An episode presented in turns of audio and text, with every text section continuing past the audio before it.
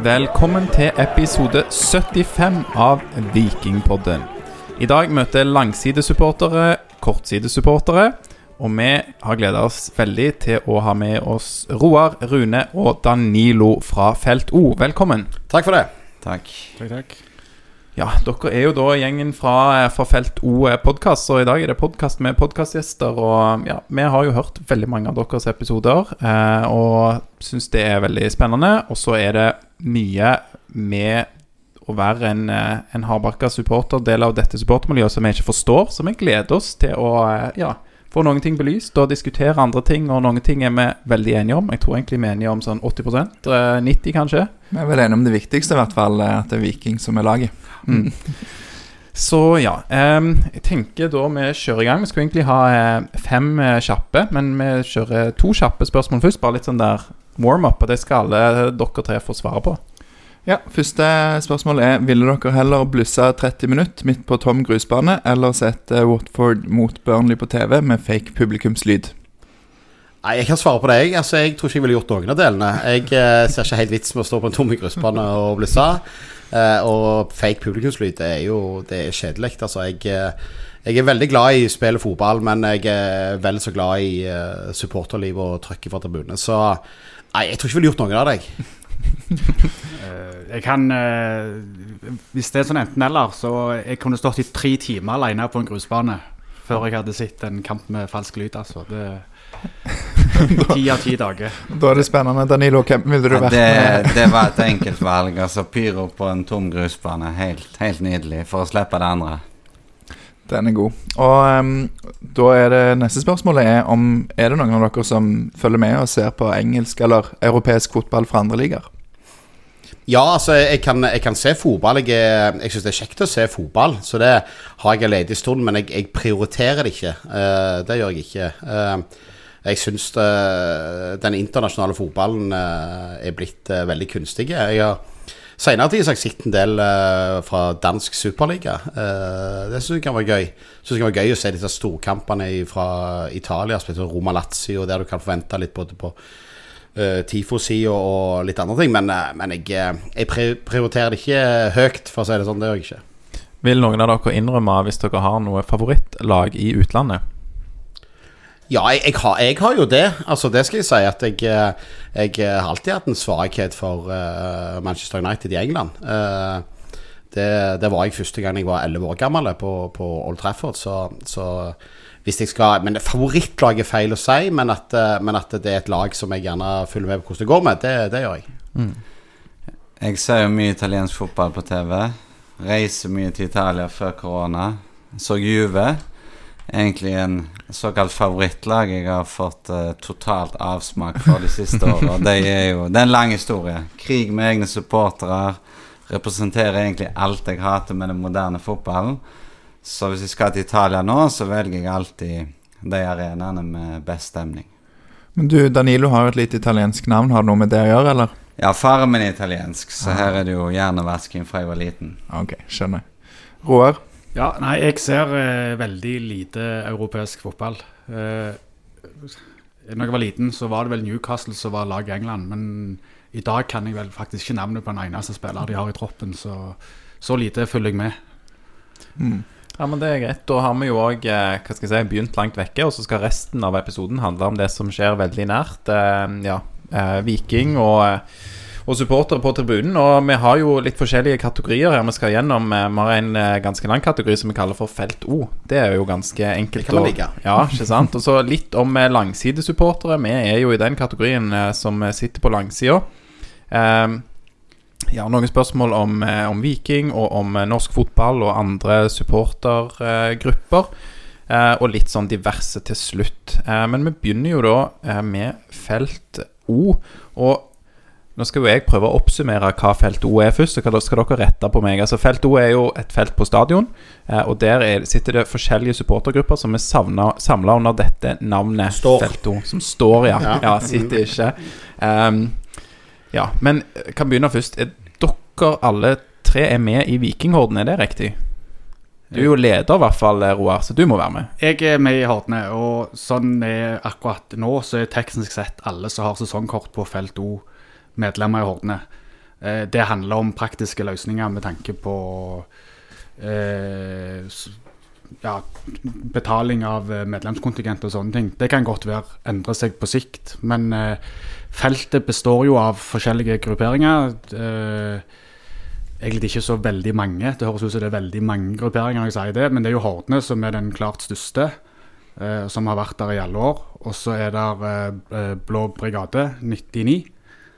Og så er det egentlig eh, uavhengige, er vel det vi kaller det. En, det er jo en del alternative supportere som, som ikke har noen gruppetilhørighet per dags dato. Men vi er egentlig der om det blir 50 forskjellige grupperinger på sikt, eller om det blir fortsatt to eller tre eller fire, betyr ingenting. Det viktigste er at alle som er på det feltet, eh, samarbeider om å lage best mulig tribuneliv i Stavanger. Mm. Så, meg og Rune definerer oss jo som såkalte alternative supportere.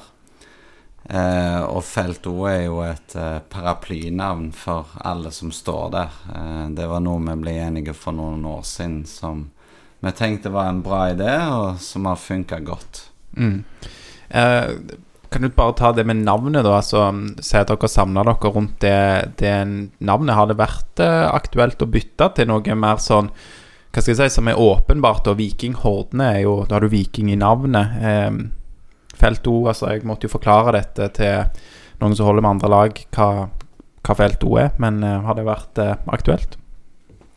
Nei. Nei, jeg, nei, i grunnen ikke. Det var vel egentlig eh, Felt O vi begynte, vi begynte, å samarbeide. Så var det vel egentlig bare Felt O-betegnelsen vi hadde. Og så kom det vel et forslag fra en med italienske gener om at det var kanskje merkevaren vi skulle, vi skulle bygge opp under. Og derfor valgte vi det. Minuset med det er at nå kan vi iallfall aldri bytte plass på stadion igjen. Men, eh, men det har vi ikke noe ønske om helst, så, så det går nok bra. Og så, og så var det jo sånn, det skal vi jo komme tilbake på, men uh, det er jo en uh, vond forhistorikk her. Og for, for mange av de alternative, f.eks., så eh, var bare det å stå på Hordene-feltet Uh, Altså, de savna noe på en måte så de kunne stå under, da. Altså noe som var litt mer inkluderende enn eh, enn bare Hordene-feltet, da. Så sånn som Roar sier, nå, nå må man bli der. Et par ord, hva, hva ligger det i det når dere sier alternative supportere? For det, det kan jo kanskje være greit å forklare litt, i hvert fall for min del. Ja, altså å være en alternativ supporter, da det innebærer altså det, det stemmer jo tilbake fra 60-, 70-tallet og italiensk ultraskultur og alle slags forgreininger derfra. Men det er veldig mye kodeks, eh, og dette er jo noe vi har diskutert mye med Roar, og vi diskuterer nesten hver eneste dag. Altså, vi har alle slags sånne uskrevne lover og regler som for folk flest eh, kanskje ikke er mening i det hele tatt, men vi tar jo tribuneliv ekstremt seriøst. Eh, det handler om kameratskap, fellesskap, lidenskap. Det handler om klær. Det handler om musikk. Det handler om at veldig mange av oss eh, Det høres jo veldig rart ut, gjerne sitter og ser på tribunevideoer istedenfor å se på en fotballkamp. Eh, og så kanskje det rareste, det, den, den tror jeg du syns er rar ennå, Roar, i forhold til at vi elsker jo klubbfargene og logoen, men det er jo ingen av oss som går i offisielt supporterutstyr av klubben på kamp. Eh, vi kjøper vikingdrakter til ungene og skjerf og sånn som det, men når vi sjøl går på kamp, så er det jo gjerne i bestemte merkeklær eller klær som hører til feltet eller grupperingen og det. Og så tenker jeg det handler jo litt om stil. Det handler jo om at eh, vi skal være den tolvte mann. Vi skal synge uavbrutt i 90 minutter, og det gjelder om, om Sandefjord leder 5-0, eller om det er vi som leder 5-0 over dem, så skal vi gi alt. Og, og vi er jo ekstremt kritiske til egen innsats. Det er jo ganger folk hyller oss på Twitter der vi er rasforbanna på oss sjøl, for vi har veldig høye forventninger.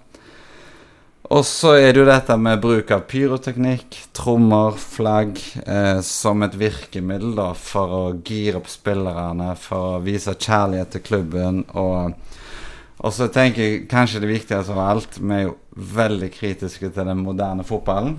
Eh, om det er VAR eller pay-TV eller falsk publikumslyd, eh, kommersialisering, og se på supportere som kunder. Eh, alt dette er jo noe vi kjemper veldig mot. Og så er det jo det med at vi følger drakten. Altså, det er drakten som er vår greie, da. Det er den mørkeblå vikingdrakten. Det er der lojaliteten alltid vil ligge.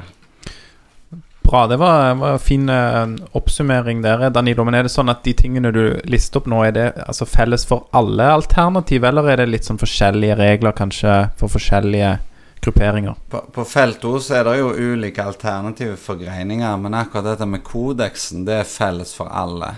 Eh, og det er jo litt kult, for om det er Belgia eller Sør-Amerika eller hvor enn det måtte være, så er det en grunnleggende kodeks.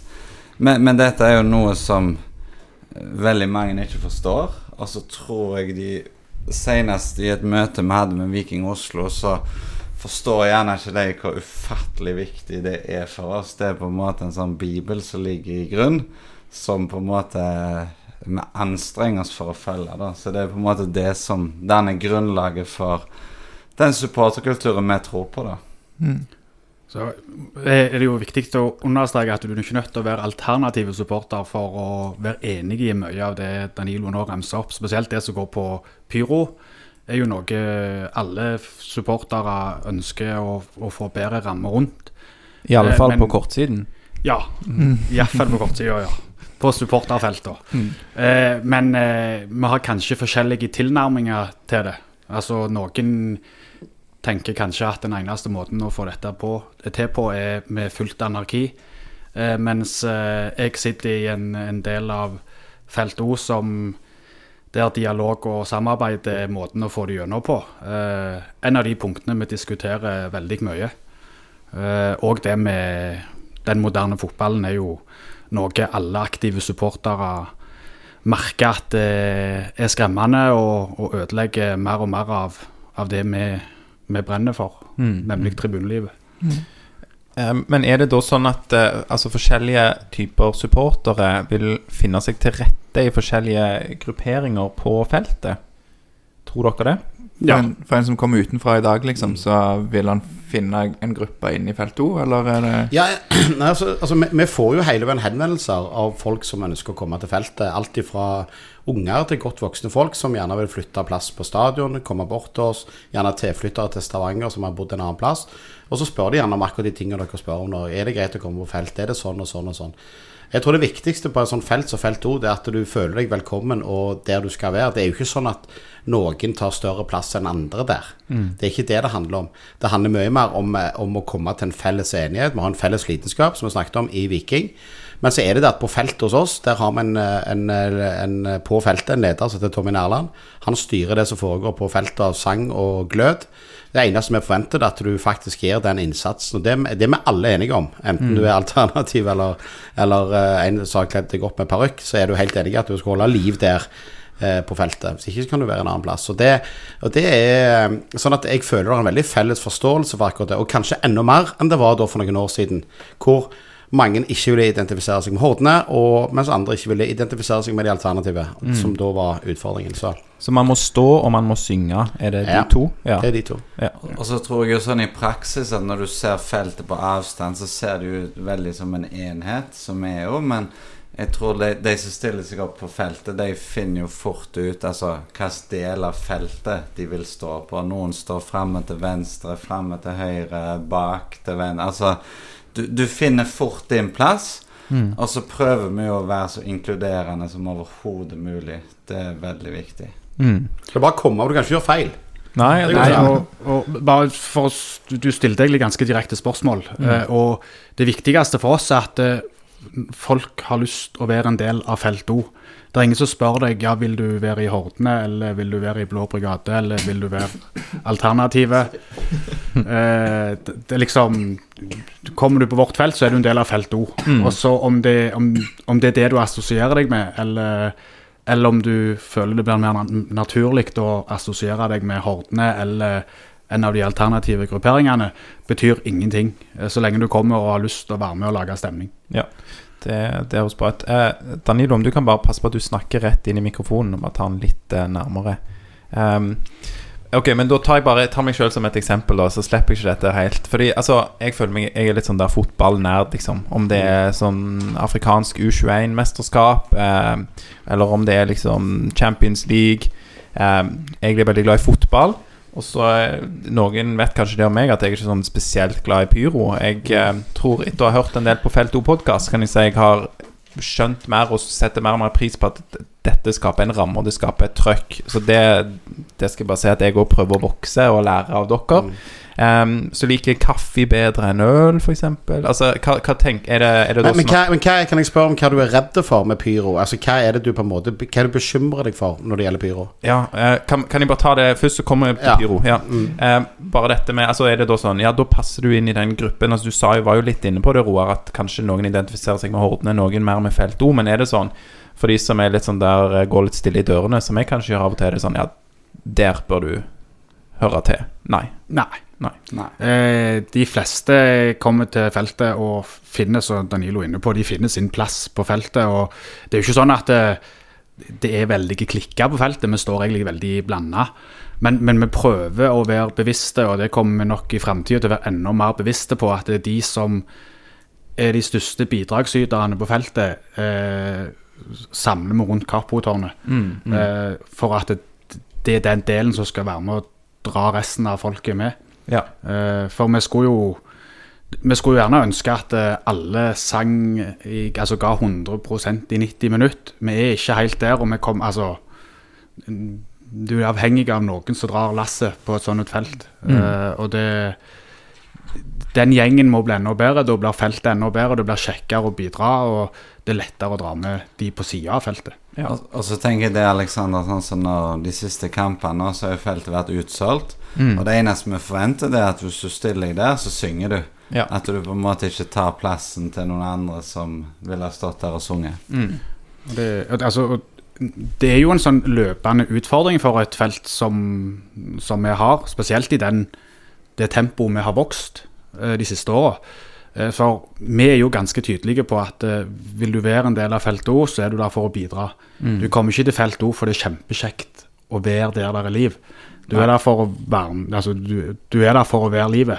Mm. Eh, og vi har en forsanger som ikke legger mye imellom for å gi beskjed til folk eh, når vi er ræva på Mm. feltet. Ja. Eh, Tommy ofrer hele sin lidenskap eh, Mm. til Viking med å stå med ryggen til stort sett i 90 minutter. Eh, han, han har lovt å forvente at vi er der for å gjøre det han ber oss om å gjøre. Eh, men, men det er en sånn seneste siste heimekampen mot eh, Det var cupen mot Rosenborg.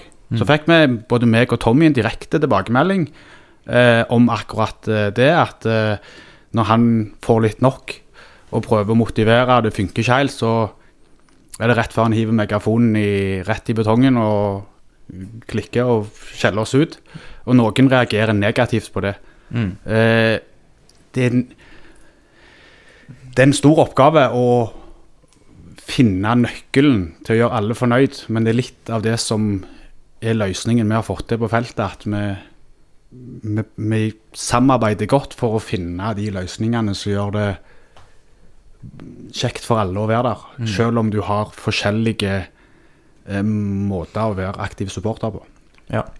Det, det løgneste på Twitter er jo når folk skjeller ut Tommy Nærland for at han står med ryggen til på kampene.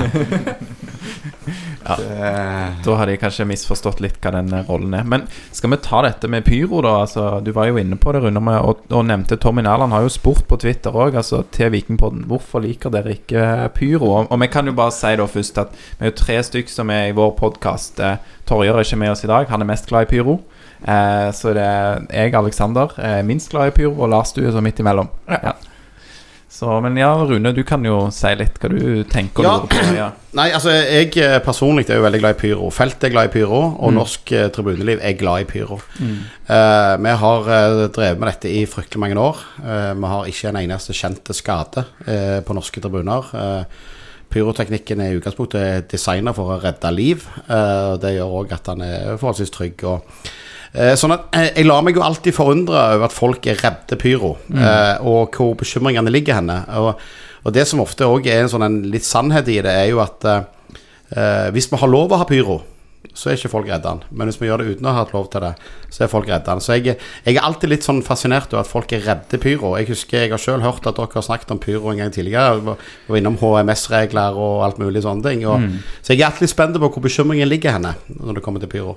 For det er stemningsskapende. Det, det, det, det må dere være enig i eh, når Ja, dere er på stadion. er enig i, ja. Mm. Så, så jeg er alltid litt spent på hvor bekymringen ligger henne. Ja, jeg kan jo kanskje svare, da, siden jeg har eh, tatt på meg Du som har flagga dette i båten, eh, så Eh, nei, men jeg tror du er inne på noe der, eh, Rune, med at eh, Hva skal jeg si, man er litt eh, redd det man ikke forstår. Eh, og så, så har jeg kanskje vært redd for, for rammene rundt det, da. At man, man må smugle det inn, ikke sant. For det at, altså, i hvert fall de gangene det ikke har vært gitt tillatelse til det, og det er vel ikke så ofte, er det det? Nei. Ehm, men så, så skjønner jeg jo at dere tar den oppgaven eh, veldig alvorlig.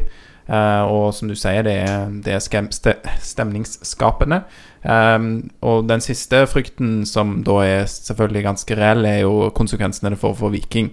Eh, så har jo dere vært eh, rause og tatt på dere eh, eh, å betale bot og sånne ting. Um, kan bare litt sjølskryte også. Da. Vi òg donerte jo 300 kroner til den boten. Ja, bra, bra. ja, bra. ja. Så, så nei, det er jo det er klart det er jo ikke svart-hvitt heller, det greiene der. Og det skaper jo veldig mye Ja, spenning. og så og så har jeg lyst til å skyte inn en ting til for de som gjerne da uh, har en bekymring på å komme på feltet hvis vi har pyro.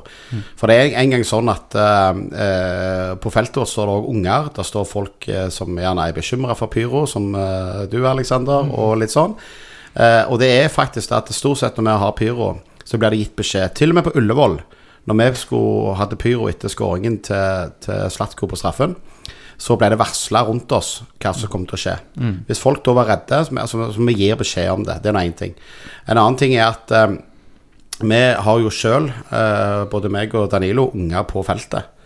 Eh, og min datter på 11 år, det er noe av det kuleste hun vet når, eh, når vi kjører pyro. Så det er ingen grunn til noe bekymring rundt uh, bruken av pyroteknikk. Det er ingen av oss som ønsker å få 1000 grader i ansiktet. Uh, sånn at uh, det foregår i kontrollerte former. Selv om det gjerne ikke ser sånn ut fra en langsideplass, så gjør det faktisk det. Så Derfor så, så prøver vi å drepe litt mytene da veldig mange har om, uh, om pyroteknikk. For det, det er det som skader i videre jobben, er litt den der frykten folk har. For Den gjør òg når vi i vårt møte med, med myndigheter og, og fotballforbund, så bruker de veldig ofte eh, altså en ordlyd da, som, som ikke samsvarer med sannheten. Og det, det, så vi er litt eh, fanebærere for den, altså. Og det, det er litt som Rune inne på. Hver gang vi har pyro, om det er lovlig avtalt med Viking, eller vi har kjørt eh, ulovlig pyro, det ligger mange timers planlegging bak det vi holder på med på feltet. Eh, for å ta, ivareta sikkerhet og, eh, og at ikke folk skal bli tatt på senga hvis de ikke liker å stå i umiddelbar nærhet av det. Så det, det, vi er jo voksne, oppegående folk som ikke ønsker å ødelegge det vi holder på med, for å si det sånn. Så det, det er stemningsskapende, og det er jo en grunn til at TV-kanalene bruker bilder hver gang det er, der er, en, der er pyro på en norsk fotballbane, så bruker de de TV-bildene. Det, er, det er stemning, og stemning er jo det vi må få på mer av på, på norske fotballtribuner. Og det er jo ganske løye, for dette det er jo NFF er jo I hvert fall mitt inntrykk er veldig sånn Skal slå ned på pyro skal ikke ha det, og så bruker rettighetshaver og medier bruker det i sine, sine reklamer. Stemmer det. Også bare den siste digresjonen der er jo at eh, det som NFF legger til grunn her, da De la jo til grunn en, og myndighetene, politi, eh, for samfunnssikkerhet og beredskap, de la til grunn en rapport Uefa fikk lagt. Eh, hvor de ble brukt bilder av eh, unger som var blitt skada av bombeeksplosjoner på Gaza, og la det til grunn for at det var skada i pyroteknikk. Og det er jo beviselige ting. Så, så det, det er dette vi jobber veldig for mot myndighetene, og for at vi skal få dette til på en lovlig og ordentlig måte. Hvis de ikke gjør det, så vil det jo bli et nytt anarki eh, rundt dette. Det er det ingen tvil om. Så, så her ønsker vi mer og mer fanebærere for vår sak eh, å forstå at, som Roar sier igjen, vi er ganske oppegående folk som ikke ønsker annet enn stemning og godt liv på stadion. Er du fornøyd, Aleksander? Ja, jeg syns det var gode, gode svar. Jeg, eh, ja. um, skal vi hoppe tilbake og, og ta et spørsmål her fra Torjar, som er vår siste medlem, men som ikke er i dag. Eh, eh, på hvilken måte, eller ja, hvordan eh, skjedde det at eh, dere ble syngende supporter for Viking, og når skjedde dette? Jeg kan, eh, kan begynne, jeg. Eh, Jeg har jo gått på stadion siden eh, gamle Stavanger stadion eksisterte. Jeg begynte å gå der i ja, i 5-86 sammen med min far og min bestefar. I 93 så ble Vikingbermen stifta. Før det var det vel bare Viking supporterklubb. Jeg var da en gang 15-16 år, men, og de hadde 18-årsgrense for å være med i Bermen. Burde vært 25. Men jeg fikk nå iallfall kommet meg inn i den gjengen på, på, på Store Stå.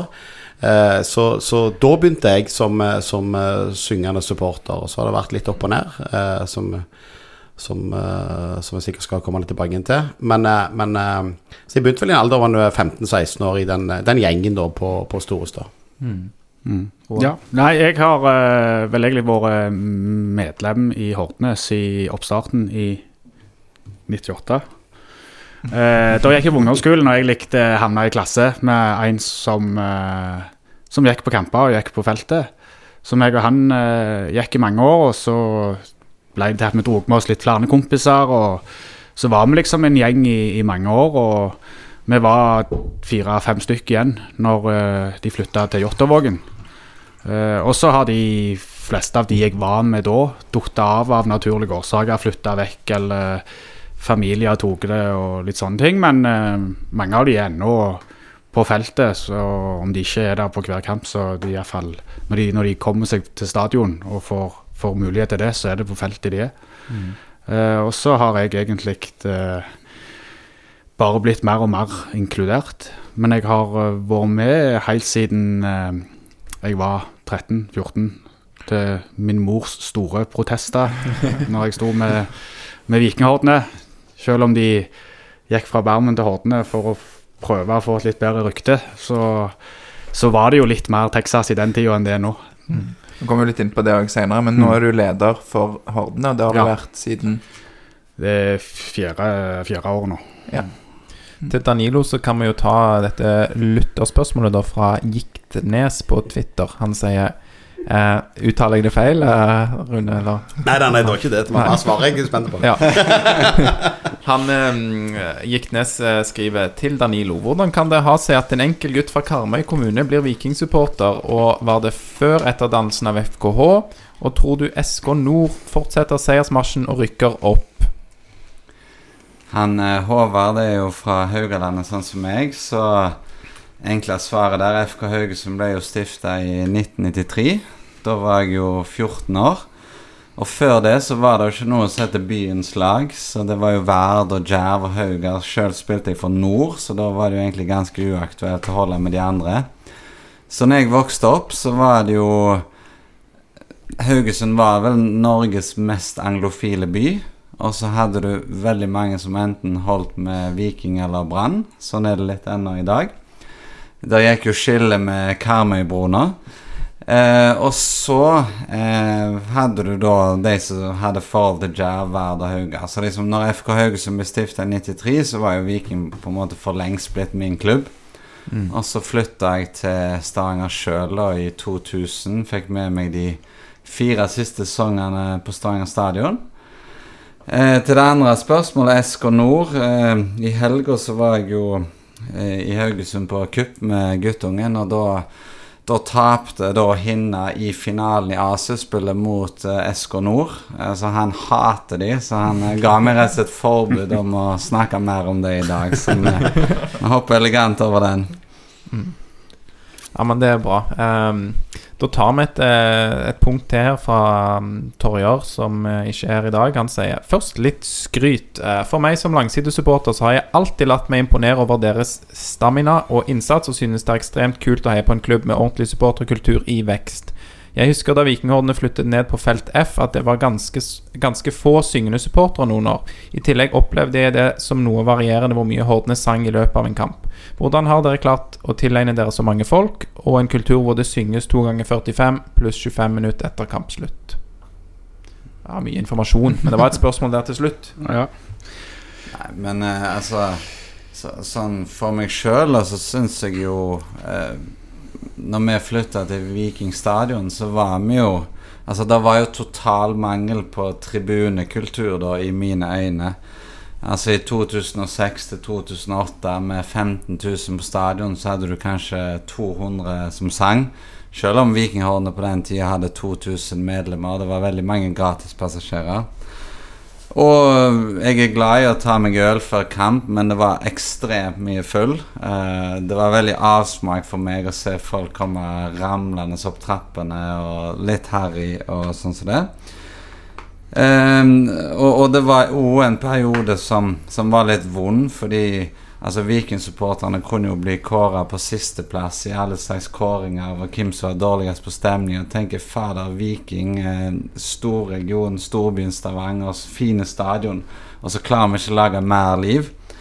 Så eh, jeg vil jo på en måte gi litt ære til, til F19, som på en måte den gamle alternative grupperingen som var de første som på en måte begynte å utfordre den rådende tribunekulturen. Eh, de tok jo alle kampene med, med klubben eh, i årevis. Eh, og det er sånn Jeg tror folk i dag ville fått sjokk over hvor lite Viking visste, og hvordan de opptrådde mot sine egne. Det gikk jo på å bli utestengt for du gikk med merkeklær eller kom i grupper på fire-fem. Eh, du hadde styreleder Dag Solstad som ba om unnskyldning til sponsorene etter vi hadde lagt liv i Sandnes. Det, det, var på en måte en helt annen eh, En helt annen klubb. Det var lukka og sånn som det. Hva sa du? Unnskyldning for å gå i merkeklær? Altså, hva Eh, det er jo flere av de som står på feltet i dag, som eh, ble utestengt fra eh, både Horden og stadion fordi at eh, de, de, gikk med merkeklær, opptredde i en gjeng. Og det, det, var jo ikke noe som var, var greit på, på Viking stadion, da. Og, og blant LSK og Vålerenga òg. Viking stadion var jo den verste de visste å komme til. Så jeg tenker det har jo gått en lang vei. Eh, jeg tenker det, det kulminerte jo egentlig litt sånn nedturen med 2016-2017, når det kunne stå 2025 på det gamle R-feltet, da, og så hadde du 30-35 på Hordene-feltet, og det var alt Stavanger hadde å by på i kamper mot Haugesund og Brann, og vi, vi, ble jo fullstendig utsunget. Så det har jo vært en, eh, en lang reise, og jeg tenker du Roar kan jo fortelle litt mer om det etterpå, men uh, Ja. Nei, altså det, det, Ikke avbryte deg, men uh, altså jeg har jo vært en av de 25 som sto i noen år. Uh, og vi har jo vært en, en trofaste gjeng som har holdt eh, en båt flytende. Og så var jeg eh, bare et medlem. Jeg var, var, ikke involvert i styre og stell i den tida det var eh, litt utfordringer med, med F19. Og eh, samarbeidsklimaet var aldeles ikke der det er i dag. Eh, men eh, som medlem i den tida så oppfatta jeg det som at vi prøvde å gjøre alt rett for å støtte Viking. Men uh, uansett hva vi gjorde, så, så feila vi. Og så var det spesielt Det ble veldig forsterka i den tida når det var viktige kamper. Altså 16. mai, i den grad altså en kjekk kamp iallfall, om man ikke nødvendigvis er viktig. Da var det plutselig fullt felt og, og sånne ting. Og så var det jo i nok i mye større grad enn det er i dag for mange nok mye viktigere de tre timene på pub før kampen enn selve kampen. Og det er en mm. kultur som, som uh, har endra seg uh, både i Stavanger, men òg generelt i Supporter-Norge. Og så er det jo viktig å på en måte gi kred til de som prøvde da, og de som har vært. fordi noe som har irritert meg noe hinsides i Stavanger, det er jo på en måte eh, langside folk når jeg satt der sjøl som på en måte klagde på de som prøvde. Altså Da kan du på en måte eh, heller prøve å gjøre noe med det enn å stå og skjelle ut de som Fordi hadde det ikke vært for de 25 da, så hadde det vært helt stille på Viking stadion. Men, men det, det, er jo en kultur som har snudd. Altså Nå går det jo mer i retning av at eh, folk hyller de som prøver. Så Det er veldig kjekt å se, da. Mm. Og så var det nok òg en, en, liten eh, nøkkel oppi det at vi bytta felt på stadion. Fra F-feltet til O-feltet. og eh, Mange av de som har vært med i mange år, ville egentlig være på O-feltet fra starten av. Eh, også av praktiske årsaker så ble det bygd som eh, bortefelt, da med egen kohort, det er jo et ord vi bruker i dag. Eh, med egen toalett og sånne ting. Og eh, når vi da til, etter mange år fikk lov til å bytte det feltet, så fikk vi en, et felt som, som for syngende supporter gir bedre lyd. Eh, og selv om vi var få folk, så hørtes vi bedre ut. Og det òg var med og eh, bygde litt opp om at eh, vi var på vei til å bli bedre. Eh, når vi sto på F-feltet, så kunne vi stå og synge ganske heftig, de som var der, uten at eh, lyden var rett opp i lufta. Og Det er litt viktig når du synger en supporter, at du faktisk blir hørt. Hvis ikke, så er det ikke mye stemning på det du produserer. Litt demotiverende ja, når akustikken ikke spiller på lag. Ja. Og jeg felt det da på motsatt side, rett bak mål, ikke sant? Ja. Så nå sitter dere jo litt på sida, så Mm. mm. Står. Ja. Nå, nå glemte vi jo spørsmålet. Ja, jeg skulle til å si det. Da vet jeg egentlig ikke hva vi snakket om. Nei, men jeg, jeg tror det var svar på spørsmålet. Jeg, eh, ja. Mm. Um, Torjør òg følger opp med at uh, siden Vikinghordenes oppstart på 90-tallet, når har dere vært størst i antall medlemmer og tilskuere på tribunen? Den, var den da du snakket om at det var flere tusen, gjerne i Ja, altså i eh, de første årene på, på Viking stadion, eh, uten tvil. Men sa vel det var i snitt eh, 15 800 solgte billetter til hver kamp. Og i den tida som i dag, så var det litt billigere sesongkort på, på Hordene-feltet. Eh, som medførte at mange kjøpte der, men Danilo brukte ordet gratispassasjerer. Det var mange som, som hadde sesongkort eh, som medførte medlemskap i Horden uten at de var stående, syngende supportere. Eh, men medlemstallene var eh, Det var vel over 2000 medlemmer på toppen. Eh, og da i den tida en av de store eh, supportergrupperingene i Norge, utenom de aller største. Eh, eh, men eh, det er falske tall, for å si det sånn. Men uh, bare for å ta det, altså du sier det er falske tall òg, bare kanskje slå fast en ting, da. Uh, jeg tenker sånn, sånn som jeg har jo tenkt på det litt sånn Har, har, det noen verdi for, uh, for, for Hordene om, om jeg blir medlem? Altså Jeg føler jo jeg gjør en innsats for Viking, og altså på min måte har jo mange ting jeg ønsker å oppnå for, for byen og, og klubben. Ehm, og vi har jo kanskje en litt annen målgruppe sant? og vil ha flere folk til stadion, vil ha folk eh, eh, oppmerksomheten tilbake på Viking. Altså det er mange distraksjoner i ja, denne hverdagen, og så har vi hatt Oilers som vokser fram, eh, sånne ting. Men, men, men det i seg sjøl for Hordene å ha mange medlemmer har kanskje ingen verdi, sånn som dere sier med gratispassasjerer, eller vil det være positivt på noen måte? Eh, absolutt positivt. Eh, det er greit du korrigerer meg, så jeg får eller stille spørsmål, så jeg får sjanse til å korrigere det. For eh, eh, alle som ønsker, har mulighet til å tegne medlemskap i Hordene. Enten om de ikke går på stadion, eller bor andre plasser i landet, eller sitter andre plasser på stadion. Eh, det er et medlemskap som koster 300 kroner, som da går rett inn i, i potten til Hordene. og Eh, Det er, ingen som tjener penger på at Hordene har god økonomi, så de pengene vi får inn, de vil vi bruke. Og de bruker vi jo på å lage best mulig tribuneliv.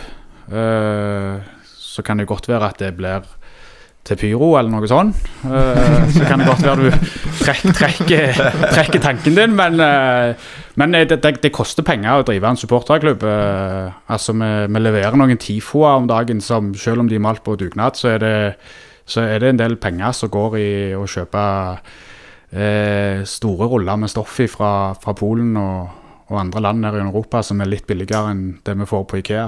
Mm. Men, men eh, ja, jo, og jo flere medlemmer vi er, jo sterkere står vi, for å si det sånn. Da skal jeg øremerke mitt medlemsbidrag til TIFO. Ja. bra Vi regner da fremdeles altså Pyro som en del av TIFO, så det Ja, ok, er det det? Ja, banner, da. Kan jeg si Ja, det, det kan du Ja. Ja, ja. Skal, nå skal jeg ikke prøve å unngå å få deg med som medlem lenger. Nei, med, og med, akkurat det med å få, få flere til å melde seg inn, det er noe vi har en vei å gå på. Og jeg har spilt inn med Viking eh, før eh, pandemien tok alt eh, oppmerksomhet. og Det er gjerne når du kjøper sesongkort, at du har mulighet til å huke av at du ønsker å legge til 300 kroner i et medlemskap til Hordene. Men da er oppfordringen gitt her, i hvert fall fra, fra meg og Lars, eh, at eh, folk som er glad i Viking, går på stadion, som ikke har tenkt å sitte på felt O òg, står på felt O, beklager, de kan tegne medlemskap i Ja. Vikinghorden. Det gjør du på, i nettbutikken vår på vikinghordene.com. Hørtes jo enkelt og greit ut. Så det er bra. Da er det et litt annet spørsmål her. Eh, Mange på feltet reiser jo en del i løpet av en sesong. Eh, Hva er reisebudsjettet til et eh, Felt O-medlem? Det er sikkert litt vanskelig å svare på, litt Ja, jeg tror det er ganske individuelt, altså. Eh, det blir jo litt til hva du gjør det til sjøl. Altså, det blir jo sånn, Jo eldre du blir, jo finere blir du på det òg. Ja, iallfall noen av oss. Eh, nei, men, det, men det, det, er jo, det er jo klart, altså noen er jo Det er jo noen her som er helt fantastiske. Eh, alle kjenner jo eh, vår mann i keeperdrakt og shorts som omtrent er på alle kamper. Og det er klart, hans budsjett eh, Jeg regner med han har, må ha en grei inntekt, både han og kona, for å få dette til. Eh, noen er jo fantastiske, men det er klart, det, det koster jo. Men det går an å reise ganske rimelig òg. Jeg ser nå skal vi til Tromsø, en hel gjeng. Eh, eh, nå så jeg akkurat på melding at det var 120 stykk som hadde, hadde kjøpt seg til Tromsø. Det er klart at eh, du går an å komme seg rundt på en ganske rimelig måte, altså. Det handler om lidenskap, det òg. Eh, og så er det noen arenaer vi nesten må gjerne velge vekk for at det er veldig dyrt å komme der til. Eh, men, men eh, Så jeg vet ikke helt hva budsjettene Jeg tror ingen lager noen budsjetter på det. Jeg tror det er mer eh, fra hånd til munn, dette dette her, altså. Det er sånn, hadde, du, hadde du begynt å regne på det, så hadde du slutta. For det, det går penger. Og eh, jeg er jo en av de som reiser mye. Og vi reiser jo ikke nødvendigvis til, til Trondheim for å med fly opp, ser en kamp og flyr hjem. Du tar gjerne ei helg eller iallfall ei natt på hotell, og det baller litt på seg. Men så er vel det, det, blir en del av feriebudsjettet. Eh, og så går det an å planlegge. altså Eh, Rune her nevner eh, Glenn i keeperdrakten. Uh, Jeg vet de sitter i romjulen på romjulssalget til Norwegian. For da har jo terminlista kommet, Uh, og så booker de flybilletter. Og da kjører de hele helga, sånn at de ikke blir skadelidende om kampen blir flytta. Blir det flytta fra søndag til lørdag, så er de i byen likevel.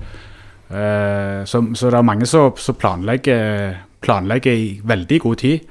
Og så er det andre som eh, blir ringt opp på lørdagskvelden de sitter på fest med spørsmål om du skal være med på kjøretur til Bærum i morgen tidlig. Eh, Og svaret ja. Hæ? Svaret ja. Og svaret ja. Ja. Ikke, nå, ikke i år, men det, jeg, jeg har sjøl vært med på den, for å si det sånn. Så noe kommer veldig spontant. Men skal vi bare avkrefte et spørsmål fra Jonas her, som heter Vikinggutt1899 på Twitter? Han spør om det blir busstur til Tromsø. Den får han nesten ta sjøl, altså. Ja. Ja, den Eh, Jeg skal betale bussbilletten for han hvis han, eh, hvis han finner ei bussrute å kjøre. Men det blir ikke satt opp buss fra, fra Hordene. Det gjør det ikke. Ikke den turen der. Men eh, det er lenge siden vi har vært på busstur, så det hadde vært kjekt å få til noe igjen snart. Men ikke Tromsø. Det høres slitsomt ut, ja. Men det har, det, det har vært bussturer til Bodø i sin tid, vet jeg. Så. Men jeg eh, mistenker at folk ikke gidder det lenger. At eh, den tida er nok forbi. Eh, litt annet eh, spørsmål her. Eh, Dere har jo fulgt Viking i ei årrekke, som vi allerede har snakka om. Men har det noen gang vært gøyere å følge med på klubben enn nå? Jeg for min del må si at jeg syns jo de eh, gylne åra på Stavanger stadion, eh, selv om Rosenborg hadde overtatt for all framtid og det i grunnen ikke var vits å se på noe eh, her oppe, så, så syns jeg jo det var fryktelig gøy. Var, jeg var i en alder da hvor det var veldig mektig å få lov å være en del av en supportergruppering som var Vikingbarmen. Så igjen da litt i forhold til du sier du ser søramerikansk U21-fotball. Jeg syns det var steingøy å gå på pub i Oslo og gå på pub i Trondheim sammen med Vikingbarmen. Så det òg var ei sånn ei tid som var fantastiske. Så, men hvis du tenker sånn rent eh, Det som har skjedd gjerne de siste to-tre åra her, så, så ligger det høyt oppe, altså. Det gjør det. Jeg tenker sånn tribunemessig òg, så Så har vi jo egentlig aldri vært så bra som nå. Eh, men eh, vi har jo mye, mye større mål. Eh, og, det er jo langt ifra noe vi, vi er ikke framme nå, for å si det sånn, men vi står på et halvt lite felt. Målet til hår, Hårete mål til Bjørne er vel hele kortsida. Så, så får vi se. Men, men sånn fotballmessig så er det jo 2000 og 2001. To cupfinaler på rad, to bronse. Og så var det jo egentlig bronsemedaljen i 2007. Og så har jo de siste årene med Bjarne Berntsen og Morten Jensen og Betty vært fantastisk. Altså Viking er jo blitt en sympatisk, offensiv, underholdende lag. En uh, utrolig kul klubb som er i kontakt med egne supportere. Du føler liksom folk i byen snakker positivt om Viking igjen. Så det, vi er inne i ei veldig kjekk tid. Jeg bare håper den eh, varer lengst mulig. Mm. Det er bra. Um, vi har fått et spørsmål på Twitter fra en som heter Jon. Han heter STVG1899 på Twitter. Og det er til deg, Roar. Um, hva, er, hva var den største utfordringen med å få samarbeidet til å fungere mellom grupperingene og vikinghordene i begynnelsen, når dere uh, slo dere sammen? Ja, uh, hva var? Hva er? For uh, det, det, er nok det er nok noe av det folk uh, hadde blitt overraska over. Jeg, jeg var jo med i en pod med, med disse guttene her når eh, vi hadde Børge med òg. Og etter mikrofonene var skrudd av, så var Børge ganske overraska over hvor mye vi krangla. Og dette er Børge Moi Nilsen i Viking. Ja. Eh, og vi, vi diskuterer og tilnærmet nesten krangler eh, hver dag eh, om eh, forskjellige tema. Eh, fordi vi, vi, ganske, vi har ganske ulike oppfatninger om en del ting. Eh, og så veldig ofte så ender jo jeg veldig som den der er fredsmegleren i midten som skal prøve å se en sak fra alle sider, og det er ikke alltid like populært. Men, eh, men det at vi er enige om det vi er enige om, og så løser vi det vi er uenige om, og hvis vi ikke blir enige, så altså blir vi ikke enige, det er en eh, nøkkel for eh, eh, den suksessen vi har hatt. Og altså Kampen til helga er en lørdagskamp.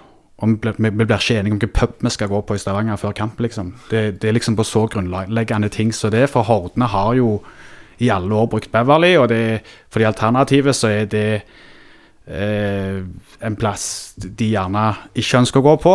Eh, og så er liksom Hvordan skal vi finne ut av dette? Og så eh, diskuterer vi og jobber med, og så nå skal vi ha et uh, møte på torsdag med aktører i utelivsbransjen i Stavanger, så kanskje finner vi en løsning. Men eh, vi, vi, jobber fram løsninger selv om vi egentlig er uenige om en del ting. Men parallelt så har vi blitt gode venner, selv om vi, eh, vi for få år siden hadde helt forskjellige forutsetninger for, eh, for det vi holder på med nå. Men det er jo ganske fint, da. For det, jeg, jeg tror i hvert fall Jeg har hørt mange av episodene fra Felt O-podkast, og det har ikke vært klart for meg i hvert fall om dere på en måte er et tverrsnitt av feltet. Og det høres jo da ut som dere absolutt Ja, er. altså, og det, det er jo det jeg tror er så fint med det. Litt som når vi snakket om Pyroen tidligere. Det at uh, vi er tverrsnitt, og, og i denne her uh, såkalte uh, gruppa da, som, som snakker sammen i dag i forhold til ting som, som skal skje på feltet, og har skjedd og ikke skulle ha skjedd, og sånne ting, så er det veldig mye forskjellige folk, veldig mye forskjellige oppfatninger. Men, men det å kunne snakke seg igjennom sånne ting, da, og eventualiteter vi har, vi, Det som Roar sier, det skjer hver dag. Jeg tror ikke jeg har én gang at jeg snakker med Roar uten at vi har en eller annen diskusjon. Jeg kan se gjennom telefonen at han er oppgitt, eh, eksempelvis. Eh, eh? Og, og, men det er òg en styrke, da. Og jeg tror at eh, det at det går an å, å, å komme til enighet selv om vi i grunnleggende er så uenige, det, det er med og drar feltet videre. Og det tror jeg gjør at feltet òg vokser. Det, det blir litt sånn eh, Det blir mye gi og ta eh, for å finne løsninger som vi kan ende om. For det sånn. Dere har, har dere da en fast arbeidsgruppe som, som har en leder, eller er det sånn at dere er på likestilt? Nei, det, det tror jeg Det er ganske flat struktur, eh, som Viking Oslo liker å kalle det de holder på med. Eh, det er Der blir det gjerne kasta ut et spørsmål, eller Det kan være Altså, vi kan ta et eksempel er eh, TIFO. Eh, det er et eksempel. Eh, der kan vi gjerne være uenige om budskap. Eh, vi var det senest eh, nå i helga i Molde. Hvor noen av oss ønska et budskap som var rimelig tøft. Mens eh, andre mente at eh, de ønska ikke et sånn type budskap, eh, og stå bak det. Eh, og da ble det slått ned. At det gjør vi faktisk ikke. Sånn at, sånn at, eh, og da er det bare å respektere det.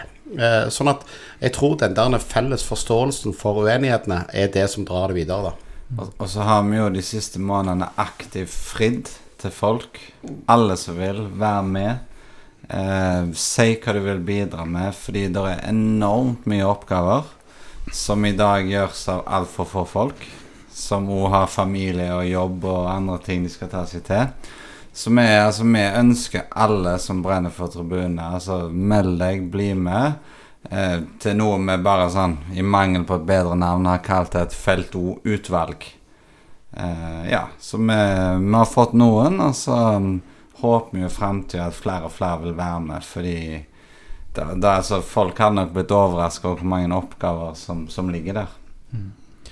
Lurer på om jeg bare tar en ting Altså, Du nevnte jo dette med bortetur til Molde, Rune. Og jeg har lurt litt på For det er jo noe dere har snakka mye om, og det diskuteres mye i sosiale medier, dette med, med Molde og denne voldtektssaken og sånn. Eh, da lurer jo jeg på altså er, det, er det noen gang tilgivelse for Molde, liksom del én av spørsmålet?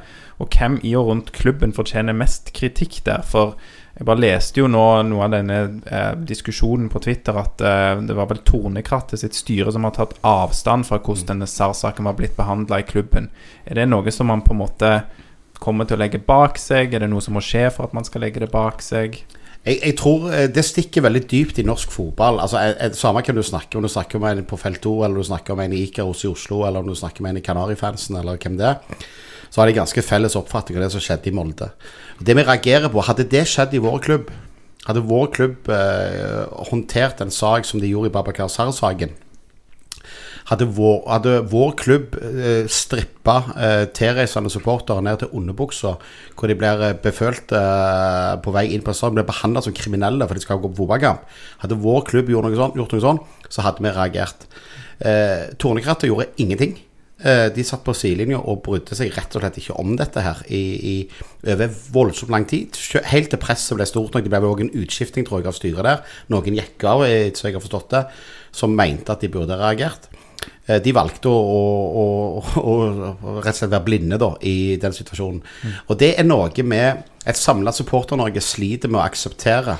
At klubben Molde og supporterne lar dette her få lov å gli. Og, det, og vi, for vår del, eh, syns at eh, eh, Tornekrattet og Molde, supporterne og Molde som klubb, bør ta en helt annen type eh, avstand fra det de har holdt på med, og, og ikke framstå på en sånn arrogante måte eh, som de har gjort. da. Så det, det er jo det som er grobunnen for dette. Så tilgivelse er jo selvfølgelig i alle saker en mulig ting, men det er klart at det, da må de komme tydeligere fram òg. De Det ser du mye i sosiale medier nå òg. Hver gang dette blir løfta fram, så sitter de ikke ennå fortsatt og forsvarer eh, seg sjøl eh, og det som er blitt gjort i Molde opp gjennom året. Så Er det klubben da mest, eller fortsatt Tornekrattet? både, både klubben og supporterne, sånn som jeg opplever. Så er det selvfølgelig supportere i Molde òg, som syns dette er helt riv ruskende gale. Det er der, eh, så det er ikke bare svart-hvitt i Molde heller. Men, eh, men eh, tydelig nok har de iallfall ikke vært. Og, eh, og jeg tror Molde skal forvente budskap framover fra, fra et samla Supporter-Norge i ganske lang tid til. Mm. Kan vi også bare si det, du, du sier at Tornekrattet har vært på Twitter og skrevet at de har tatt avstand. Eh, Førsteplassen jeg oppfatta det, det var på Twitter i samme settingen som du oppdaget det. De har ikke vært tydelige i at de i ettertid har eh, prøvd å være tydelige. Eh, og, men så er det jo, akkurat når det gjelder Molde, så er jo det for oss i Hordene en veldig betente sak. For vi har, altså Molde-supporterne er jo de vi har hatt best kontakt med, sånn historisk sett. Vi har vært der oppe og spilt supporterkamper når de er her nede, så de bor hos oss, for å si det sånn. Eh, eh, og de, eh, vi fester med de der oppe, og de fester med oss her nede. Eh, og det har vært en balansegang å være tydelige mot det, over at vi, vi er skuffa over dem, og fremdeles beholde vennskap. Og det har, det har røket vennskap, for å si det sånn. Eh, så betente er den eh, situasjonen. Eh, og jeg har fortalt venner i Molde at jeg er skuffa over deres håndtering av egen klubb. Og det som Edvardsen sier, hadde vår klubb operert på den måten der, så, så hadde iallfall ikke jeg fronta supportermiljøet i, i byen, for å si Og så sånn. fortsetter de å trø i salaten. Senest i dag på Twitter så er det jo flere som legger ut det Molde har lagt ut av info til bortesupportere, der det står at de må være forberedt på grundig visitasjon. Og, og når de vet på en måte at hele Supporter-Norge er forbanna på dem pga. det, pga. sensur av bannere, og så fortsetter de å gjøre det, så er det jo en klubb som på en måte ikke evner å ta inn over seg hvor upopulære de er. Fordi sånn som Rune sier, altså alle stående supportere i Norge hater Molde. Og, og de må jo gjøre noe radikalt for å endre på det synet der. Og, det som irriterer meg, det er at eh, spesielt de som eh, fronter eh, Molde-supporterne på Twitter spesielt, de tror jo at dette er grunnet i misunnelse på at de er så fantastisk gode i norsk fotball. Eh, og vi prøver å forklare dem at dette handler ikke om misunnelse. Eh, du kan godt ta diskusjonen med at vi hater Rosenborg, at det har grobunn i misunnelse. og de ødela tre generasjoners eh, fotballsupportere med å vinne alt som var å vinne i Norge. Eh, men Molde har, handler ikke om misunnelse, det er bare at de har trødd i salaten gang etter gang etter gang. Eh, og som Danilo sier, ikke evner å ta inn over seg at, eh, at de har blitt upopulære pga. det. Utenomsportslig absolutt for Molde Ja. budskapet der, ja. Mm. Ja. Um, jeg ser jo vi har fått, uh, vi har fått ganske mange lytterspørsmål uh, og sånn, og jeg vet ikke Jeg tror ikke vi rekker alle når Vi snart holdt på en, en time, og jeg vet ikke om vi er halvveis i, i, det vi har skrevet ned. Um, så jeg lurer på om jeg går, um, går inn på det som handler om Viking Oslo, jeg, Aleksander. Hva tror du om det? ja, det syns jeg er bra. Eh, Dag Idar Jøssang sitt eh, spørsmål eh, der om Der han skriver for oss som ikke har vært med verken i den ene eller andre, hvordan er og har egentlig forholdet til Viking Oslo vært? Samarbeid hele veien, konflikt eller konkurranse? Jeg, egentlig så på, Hvis du omformulerer siste setningen i spørsmålet hans, så har du egentlig svaret. Det er konkurranse og samarbeid og konflikt eh, på en gang. eh, og litt som vi nettopp var inne på, eh, det er mye gi og ta. Det er det som har vært eh, eh, det vi har truffet med i samarbeidet på, på felt O. Eh, eh, Viking Oslo samarbeider vi veldig godt med på mange områder, men det som ofte er grobunnen eh, til konflikt med de, er at for de så er det ikke så veldig mye å gi. For å si sånn. De har en oppfattelse av hvordan de ønsker å være, som av og til krasjer litt med, med vår tankegang. Og så, så krasjer det rett og slett litt. Eh, og ting blåser veldig fort opp til storm.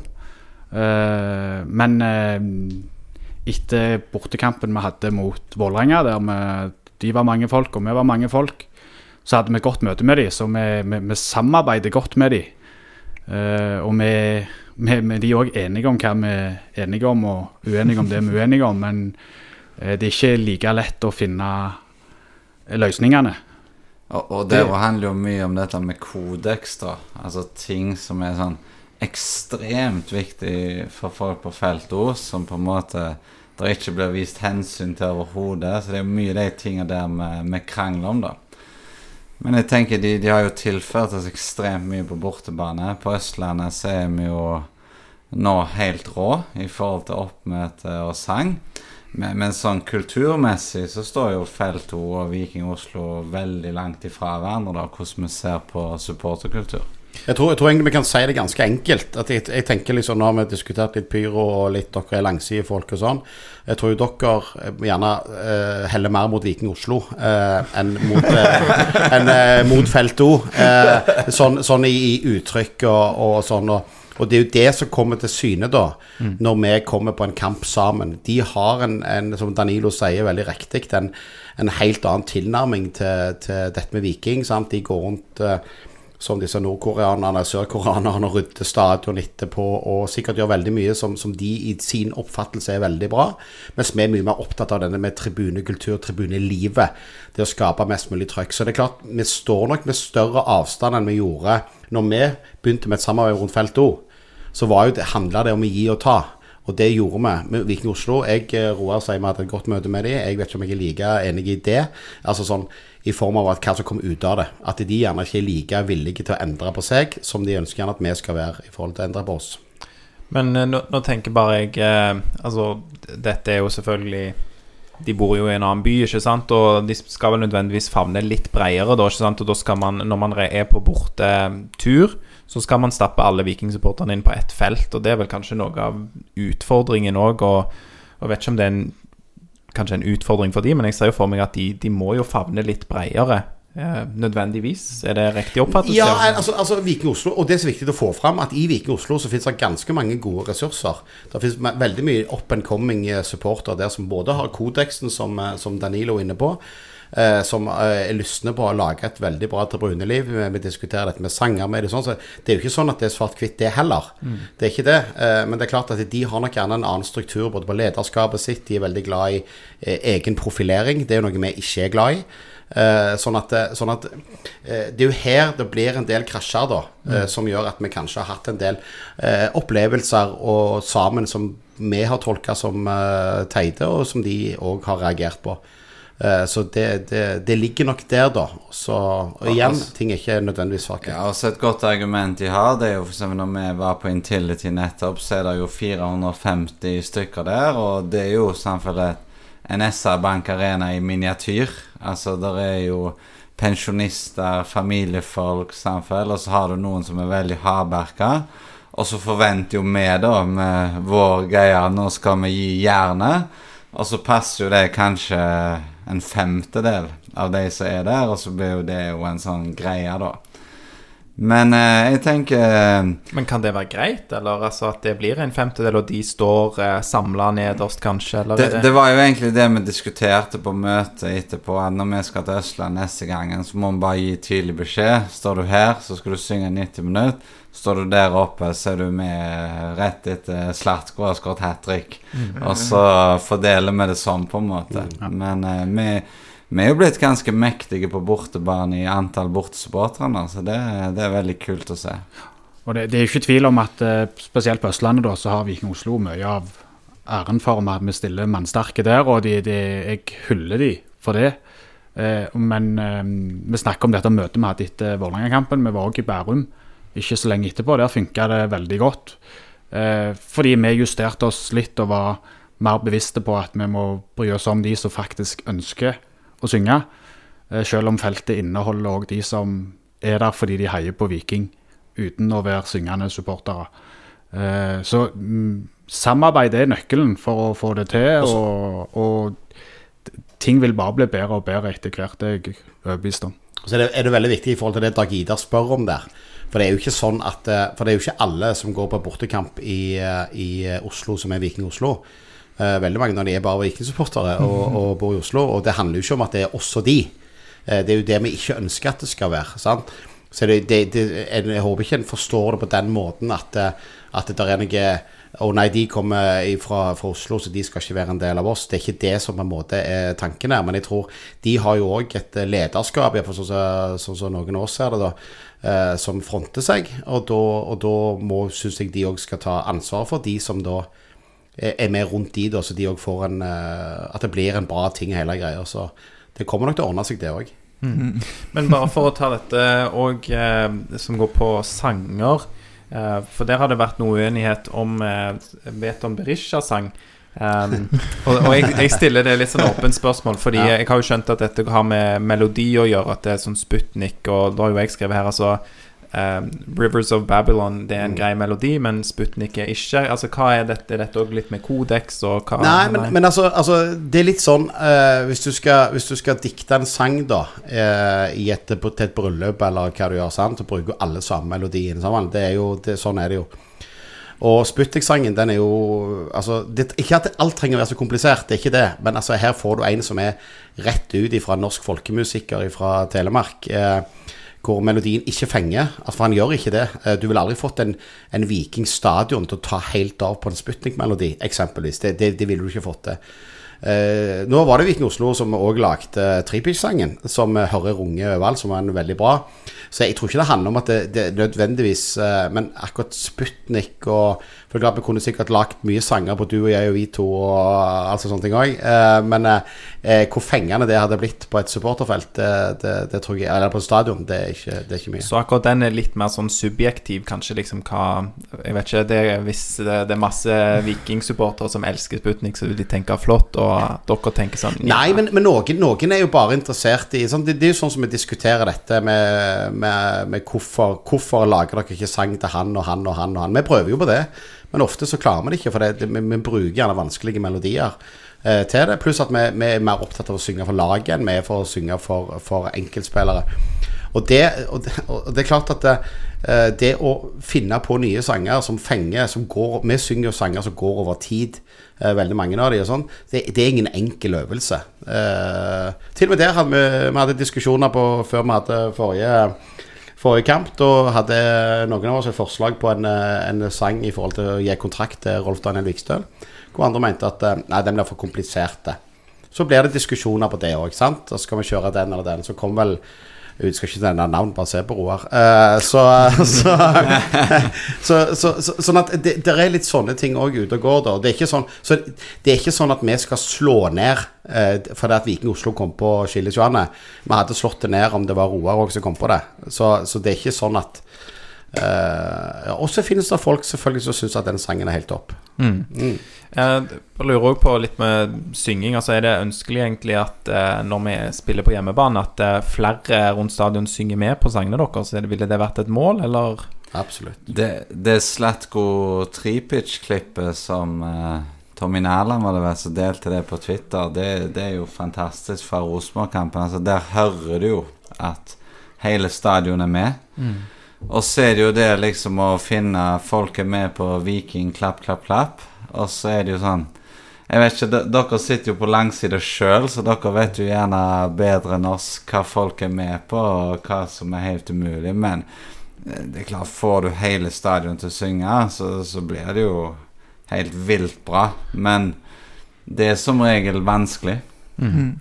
Det var vel opp, en oppfordring vi fikk her fra Her står det en anonym langsidesupporter gjennom mange år. Det er ikke jeg som har lagt inn, så jeg vet ikke hvem det er. Um, han sier at han er imponert for at dere holder ut og synger, eh, men vedkommende savner noen rop eller lignende som er lett for hele stadion å bli med på. Det er jo litt uh, det du er inne på, Danilo. Han skriver sånn V-I-K-I-N-G, Viking. Det gjør dere jo et par ganger i løpet av en kamp, men det er jo sånn eh, Det var en jeg snakket med som, som stilte dette spørsmålet. og og det er jo hele stadion med på nesten med en gang. Mm. Og sang, da har du jo dette med at rytme og lyd, og det er langt fra den ene sida til den ja. andre.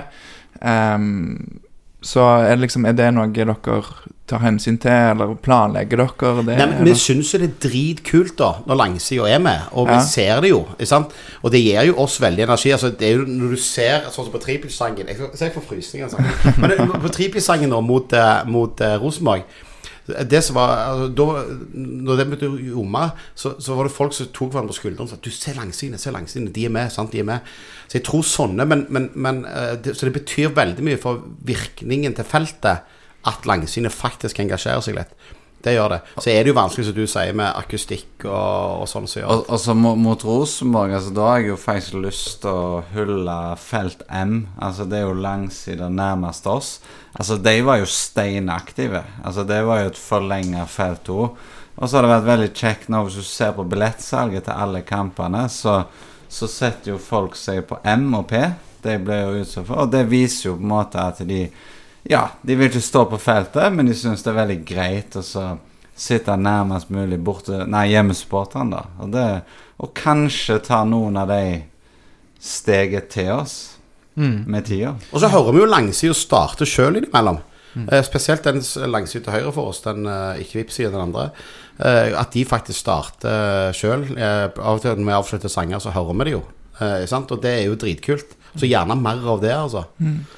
Kunne man vært litt sånn pedagogiske der og hatt sånn ja, fem sanger som hele stadion bør lære, legge ut en video, et eller annet sånt? Er det dere er jo litt på dette med, med profilering og hva ikke profilerer dere sjøl og sånne ting. Jeg vet ikke, Er det, er det innafor? Jeg, jeg, tror gjerne, men tekstene våre er faktisk så enkle mm. uh, at det tror jeg de aller fleste egentlig kan.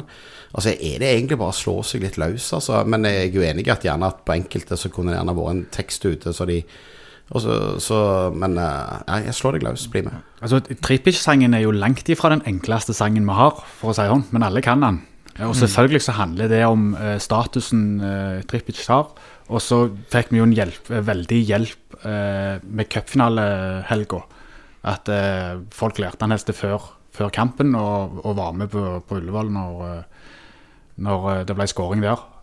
så den, den, sangen har liksom fått en sånn egen standing. Eh, men, men, tekstene er, som la nevnt her, de er ikke veldig vanskelige.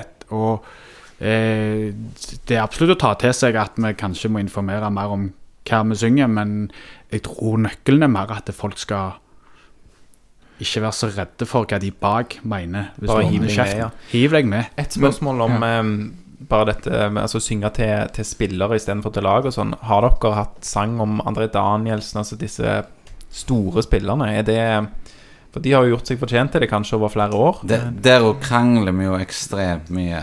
Mm. Eh, de siste ukene så har vi jo snakket mye om eh, Vet om Berisha. Eh, og da ikke om Sputnik, men altså alle på felt 2 er enige at det er en eh, fantastisk spiller.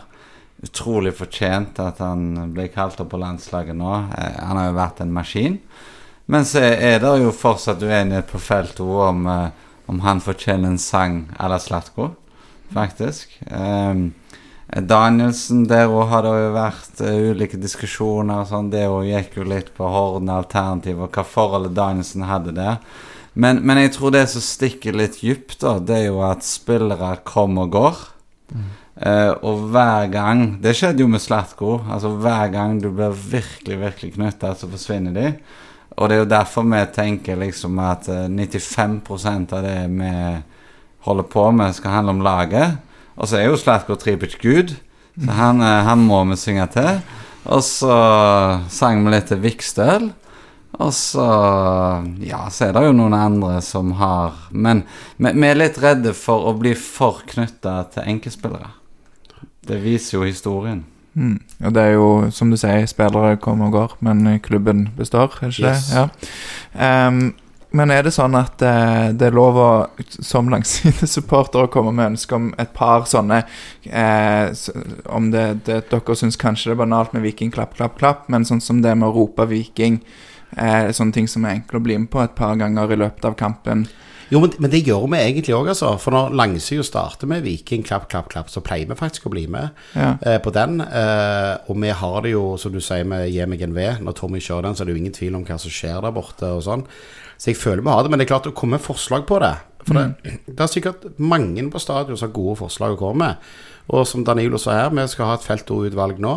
Og så sitter du med en Er du en sånn flink lyriker, og du har ideer, så kom med de. For altså, vi, vi er ikke de smarteste i verden, det er helt sikkert. Så, I, ikke du, iallfall. nei, ikke jeg iallfall. Takk skal du ha. Nei, Vi har vel tråkka i salaten her i poden òg, så jeg tror ikke vi heller er smartest i verden. Hvor går vi nå, Aleksander? Nå kom jeg litt ut av eh, Ja, det var jo et spørsmål om tifoer her, da, fra Nikolai Mong Andreassen. Eh, han sier Han heter Nikolai Andreas S på Twitter. Han sier tifoene som blir laga, er jo helt enorme. Hva er neste steg? Tifo på hele kortsiden eller langsiden? Langsiden er spørsmålet. Jeg tror eh, Altså, begrensningene våre Det vi trenger, vi trenger et lokale eh, til å male tifor, eller altså cupfinaletifoen. Eh, da holdt vi ned på nede i Hillevåg i et eh, ekstremt svært lokale. Hvis noen har peiling på et lokale, for det, er det det står på for oss, altså. Vi har jo en uh, TIFO-magiker i Einar Bratli som eh, Han er helt enorme, som, som tegner disse her for hånd kritter de opp, og så kommer vi andre lakeier og maler oppi det. Eh, vi ser jo ikke hva det er, for det er på feltet med, for vi har jo sett tegningene han hadde tegnet på nattevakta si. Um, helt enorme det han får til. Men vi trenger et lokale der, så svaret er egentlig eh, får vi bare tak i stort nok lokale å bruke, så skal vi male mektige ting, altså. Det, du, du Danilo er jo lærer, så du har vel tilgang på gymsal, er ikke det stort nok? Litt, litt av utfordringen er at når vi, når vi er i gang, så bruker vi gjerne ei uke Ja, eh, på det. Så vi må liksom ha tilgang til lokalet litt over tid. Det er det som er utfordringen, og det var så, det som var så genialt med den cupfinaletifoen. Og, og, og der har du kodeksen. Og det, det er ikke ofte meg og kona diskuterer Viking, men i går så hadde vi en sånn intens en, for hun fikk se et bilde av det vi hadde mot Rosenborg, som er veldig, veldig fin. Og så begynner jo hun med Ja, men den må dere vise igjen. Den må dere henge opp. Hvorfor stiller jeg ikke ut? Og sier nei, den skal rett i bosset. Og det er jo sånn, altså For henne så gir det jo ingen mening.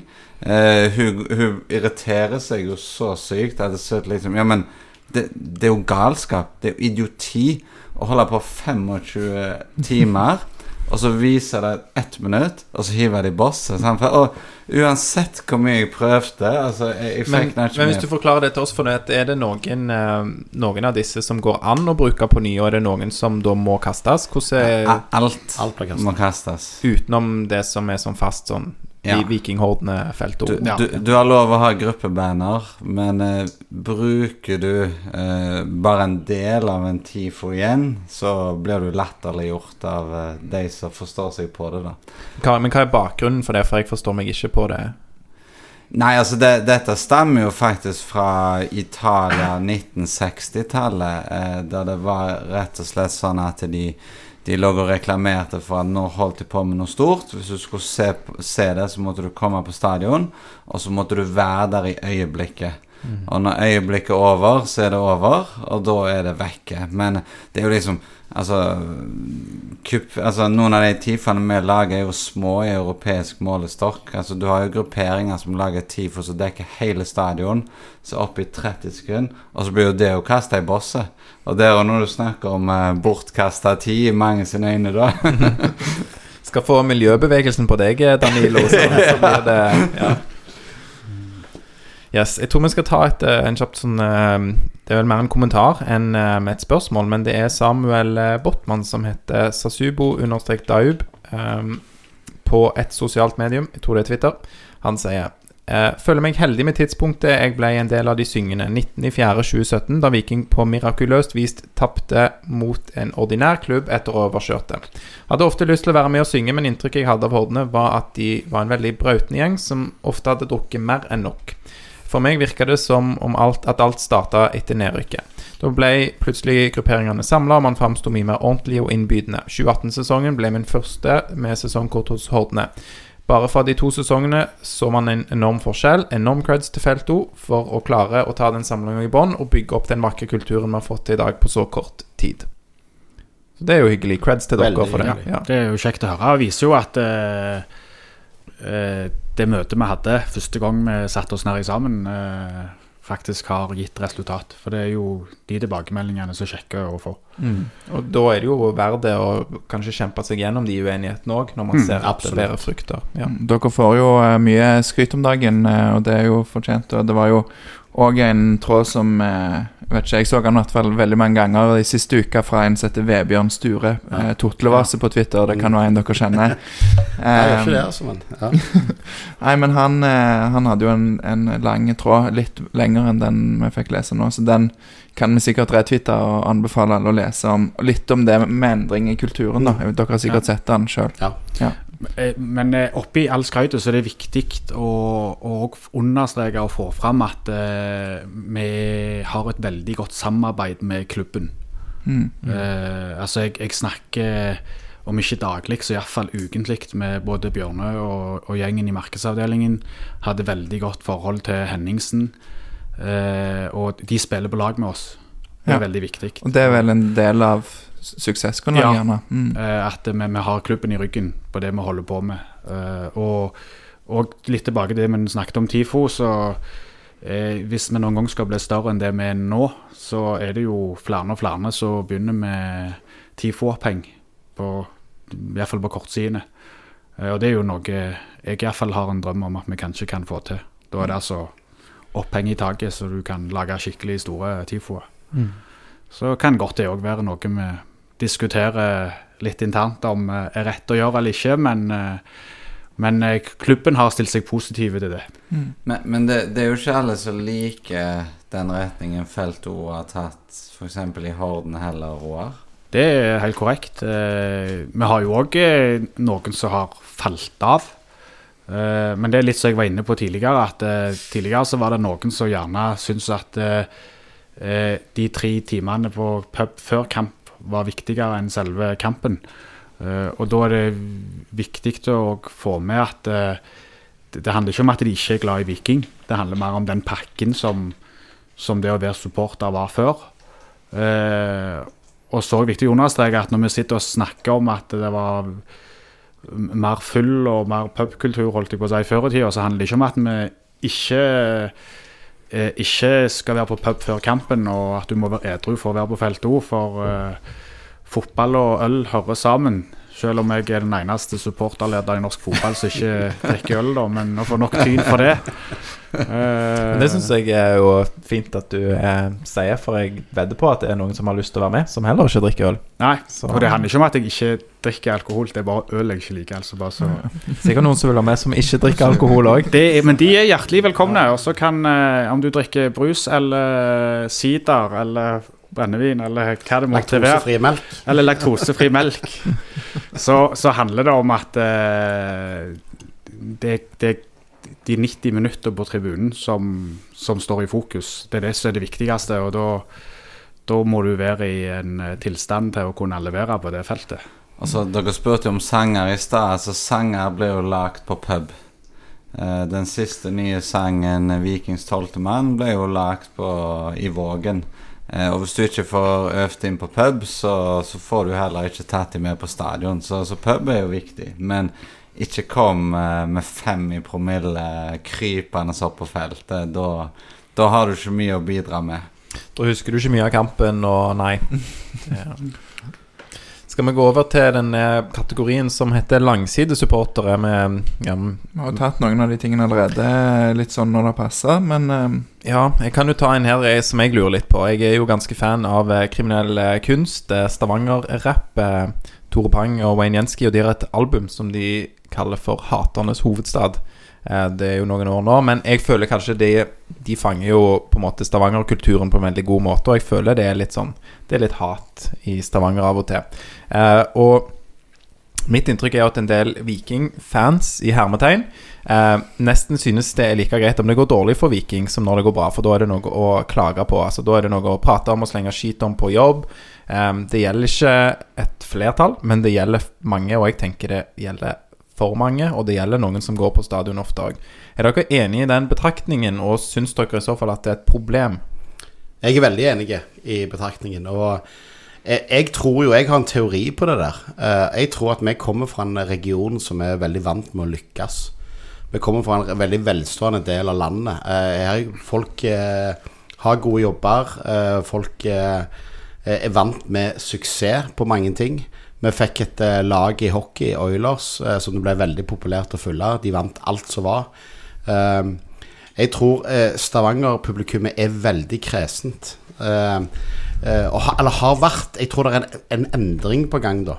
Det tror jeg det er. Men jeg tror Stavanger-publikummet er veldig kresen. De krever utrolig mye for å bli underholdt. Og det er veldig lett å være kritiske til alle andre. Altså, Å, være kritiske til Viking har jo på mange måter vært en sånn en, litt sånn eh, jipposak. Eh, alltid sånn ah, 'Nå funker ikke Viking, så da går vi til Oilers.' Nå funker jo ikke Oilers, så da kan vi gå til Viking. Altså, det der så Jeg er litt enig i det. At eh, at vi er sånn Vi, vi liker egentlig den bedrøvelighet eh, rundt eh, det vi ikke gjør sjøl. Det er jeg enig med Men, deg i. men, men det går jo et skille der òg, for jeg tenker Hvis du går på stadion og støtter Viking med penger og din tilstedeværelse, så klag i vei. Men de der idiotene som sitter hjemme og som aldri er på stadion og sitter og lirer av seg eder og galle, eh, de bidrar jo ikke med noen ting konstruktivt. Men de som er enda verre, er jo de som oppriktig hater norsk fotball, selv om de er nordmenn, altså selv om de er siddiser. Det er jo de som er våre største fiender. Altså, det gjelder felt O, det gjelder hele stadion, for vi vil ha mest folk. Altså, folk som er oppvokst på Storhaug og har mer kjærlighet til Stoke enn eh, laget sitt i Jåttåvågen, altså, det, det er til å spy av. Eh, men til spørsmålet så tenker jeg eh, Kommer du på stadion, betaler billett, støtter laget Selvfølgelig skal du få være misfornøyd sånn som det Men de der som sitter hjemme med testaturet sitt og, Altså Noen av de virker jo som de oppriktig koser seg når det går gale. Altså Du merker jo det. Altså Noen uttaler seg bare når det går gale. Og når Viking har vunnet fem kamper bra, så hører du ikke en dritt fra dem. Sant? Det viser jo litt hvordan de er skrudd sammen nå, da. Um, Ja. vi merker jo litt det sjøl òg på eh, Det er jo alltid mest engasjement når Viking enten taper, men, og da kan de tape med bare ett mål. Men hvis Viking vinner med et mål, da er det litt tyngre kanskje, og, og litt mindre respons. Og hvis Viking gruser noen, da er det òg Så liksom det skal mer til å få folk med når, om Viking vinner med et mål, enn hvis de taper med et mål. Ja. Jeg, jeg, jeg ser jo Ingve Bø har poengtert det på livechatten på Aftenbladet. Etter han poengterte det, så har jeg vært inne og, og sett at han har helt rett. At eh, det er mye mer liv i det kommentarfeltet når Viking ligger unna, Mm. enn eh, når Viking leder. Da er det ikke så kjekt å, skrive noe. uh, men, og de, de som er kritiske, de er, de er der kun når det går dårlig. De, ja. de hyller ikke når ting går bedre. Vi får en, eh, en oppdragelse å gjennomføre der av noen. Og så er jeg enig med deg, Danilo. Vi må omvende disse som eh, Hva skal jeg si Som har hjertet så veldig tett opp i engelsk fotball. Altså Jeg mener jo det er greit å ville se god fotball og, og sånne ting. Eh, og kjekt å følge med på andre ligaer i Europa, men eh, jeg blir jo lei meg når jeg hører altså folk som jeg kjenner fra barndommen og sånn, ja, Hvorfor skal du som nordmann rakke ned på norsk fotball? Ja, altså, det, det gir ingen mening. Og deres eh, venner i Stoke eh, syns jo det er like patetisk som oss. Eh, det er bare det at de, de evner ikke å ta det inn over seg. Nei, jeg tror det, du har rett i det. Det er ikke vill begeistring for alle disse turistene som eh, strømmer til engelske stadioner eh, lokalt der. Nei. Anbefaler Mats Haugland sin eh, Jeg vet ikke om det er en ytring eller hva det var i Aftenbladet. Veldig bra. for, eh, det var veldig bra. Og nå, nå kom det jo i dag det som eh, veldig mange engelskmenn frykter. At eh, nå begynte de å snakke om å flytte Premier League til utlandet. Grusomt. Eh, helt grusomt. Og kan tenke deg å være eh, fra Liverpool, eh, elske Liverpool, eh, og så skal de begynne å spille borte, eller hjemmekamper i Kina og Saudi-Arabia. Da har eh, fotballen tapt, altså. Mm, mm. Det får være nok at de drar der på sånne oppvarmingsturneer. Så ja. Eh, Et litt annet spørsmål fra Nicolai Mong eh, Andreassen, og dette var du inne på litt, eh, Roar. Men hva gjør dere om dere ser det kommer noen nye på feltet og synger og står der, for å få dem til å komme til neste kamp? Er det lett å fange det opp, eller er det, kan det være vanskelig? Vi, vi er jækla flinke å snakke om det til hverandre, og så står vi etterpå at de skulle vi ha snakket med. Mm. Så ærlige skal jeg være, for eh, vi har en vei å gå der, og du kan si mye om eh, eh, uenighetene vi har med Viking Oslo, men de har vært mye flinkere enn oss på akkurat det. Eh, og det er noe vi ønsker å bli flinkere på. Eh, vi har mange nye ansikt på feltet denne sesongen her. Vi ser de, vi vet de er der, men eh, når det er kamp, så der skjer mye, og så eh, har vi ofte et sånn eh, evalueringsmøte i pausen der vi står og diskuterer første omgang, hvordan vi har levert på feltet, og så plutselig så skal vi i gang med andre omgang, og så er, er kampen slutt. Så er det enten så er vi så nedrullet at eh, vi bare vil komme oss hjem, eller så står vi i 20 minutter og, og hyller laget og, og blusser litt eh, når det har gått lang nok tid til at vi får noen konsekvenser. Men eh, vi snakker mye om det, om at vi må bli flinkere og eh, se de nye. Og vi setter pris på når vi ser nye folk som kommer kamp etter kamp etter kamp.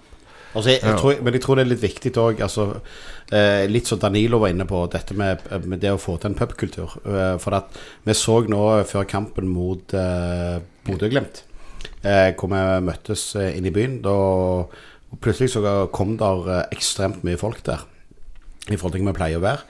Og det er jo en sånn fin anledning. Klart Viking Oslo er uh, vært flinke til å inkludere, men de sitter jo på en pub òg. der kommer folk, tar øl sammen. eh, de sitter i rolige omstendigheter. Mens vi gjerne på feltet er veldig opptatt av kampen og gjerne en TIFO og sånne ting. Sånn at vi oppfordrer jo folk, og hvis du er ny og sånn som det, så kom når vi har et pubarrangement eller hva det måtte være òg, og kom gjerne der og slå av en prat og drikk gjerne en brus og en kaffe eller en pils.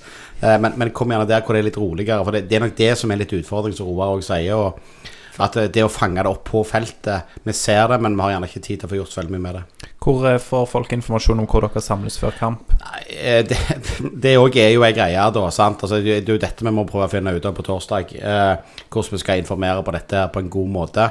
Sånn at folk Nå gjorde vi det sist via podkast og i sosiale medier til en viss grad. Eh, så det er jo der vi må Det er jo klart det er jo der vi må bruke kanalene. Men vi må jo først finne ut hvor vi skal, da. Så det får vi krangle om. eh, Og så er det jo en, utfordring vi har nå. Det er jo, altså Vi har jo vært inne på Horden og alternativet, men, men det vi ser nå, det er at eh, de fleste nye nå Altså De har jo ikke noe relasjon verken til de alternative eller Hordene. De kommer for å stå på felt O. Og hvordan gjør vi det med deg? Skal vi invitere dem på Beverly? Skal vi invitere dem på de alternative sin pub? Men uansett, vi vil jo ha dem på feltet, og dette samarbeider vi om. Men forrige gang mot Glimt så visste man 15 som kom, og så kom det 27. Det var jo veldig kjekt. Og så fikk vi kanskje snakket med tre-fire av de nye.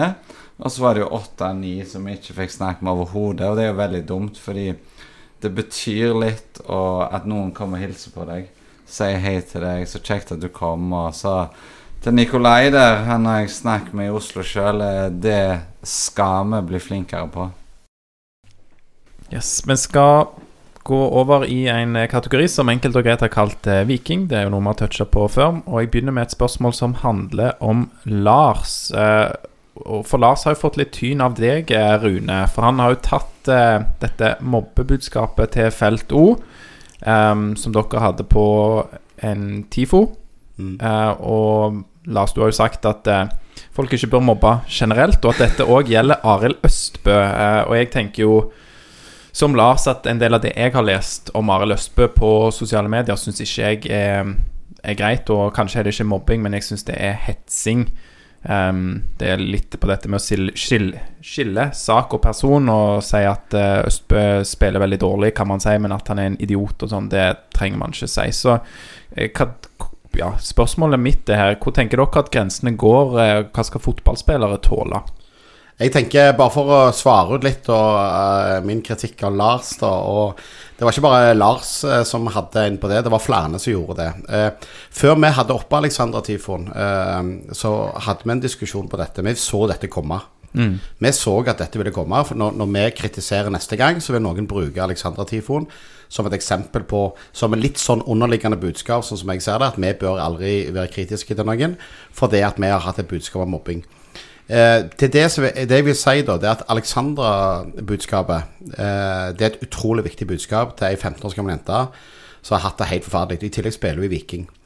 Eh, har alle lest saken. Eh, jeg syns å sette det opp imot at vi er kritiske til en spiller som Arild Østbø, eh, eller til Adrian Pereira. Eh, eller til Vi var til Veton Berisha en eh, periode, og vi kommer til å være på mange spillere i året som kommer. Det syns jeg ikke har noen sammenheng. Eh, og eh, jeg vil si sånn som Arild Østbø eh, Jeg har ikke lest heller, og det, må jeg også, det er jeg helt ærlig på. Jeg har ingen plass lest verken hetsing eller hat mot eh, verken Pereira eller mot Arild Østbø. Jeg har lest kritiske røster, spesielt etter han sjøl gikk ut i Aftenbladet og mente at eh, det var ikke vits å sende en keeper, for han var så god. Eh, så jeg, jeg, jeg ser ikke helt den linken, og jeg tenker jo at eh, når det kommer til det budskapet vi hadde den gangen til, til, til Alexandra, som vi står utrolig sterkt inne for, eh, så syns jeg ikke det skal sammenblandes med et så stort samfunnsproblem som mobbing. For jeg er helt enig i budskapet til Lars. Mobbing er et kjempeproblem. Jeg har selv sittet i saker, selv om jeg ikke er pedagog, så har jeg også selv sittet i saker som angår mobbing og, og, og hetsing. Så jeg ikke syns det er greit i det hele tatt. Men vi må begynne på en helt annen ende enn å ta fotballsupportere. Eh, Min datter eh, hun er 11 år, hun er med masse på stadion. Hun har hørt eh, oss brøle ting som ikke egner seg på eteren i det hele tatt. Men det betyr ikke at hun går til Charlotte i klassen og kaller hun for en idiot dagen etterpå. Hun skjønner forskjellen på at vi klikker på en spiller som, som er ufine til oss, eller som går til Rosenborg og sånn. Den forskjellen ser hun. Jeg tror dette mobbeproblemet starter en helt annen plass i eh, i oppdragelsen av unger enn på en uh, fotballstadion. Så, så der er jeg uenig, og jeg er uenig at tifoen vår ble brukt i den uh, Men, sammenheng. men Tifoen deres hadde jo et generelt budskap mot mobbing. Han hadde det, Ja. men jeg, jeg, jeg tenker jo at det, det skal være grenseoppganger i forhold til hva mobbing og hetsing er for noe. Og som jeg sier, at det, det at uh, noen får et utbrudd Nå så jeg at det ble referert til, til noen VG-debattgreier, jeg er ikke der sjøl og sånn, og det kan godt være at det har vært noen som har vært veldig stygge der. Men på Twitter så så ikke jeg at noen var over grensa stygge med Arild Østbø eller med Adrian Pereira.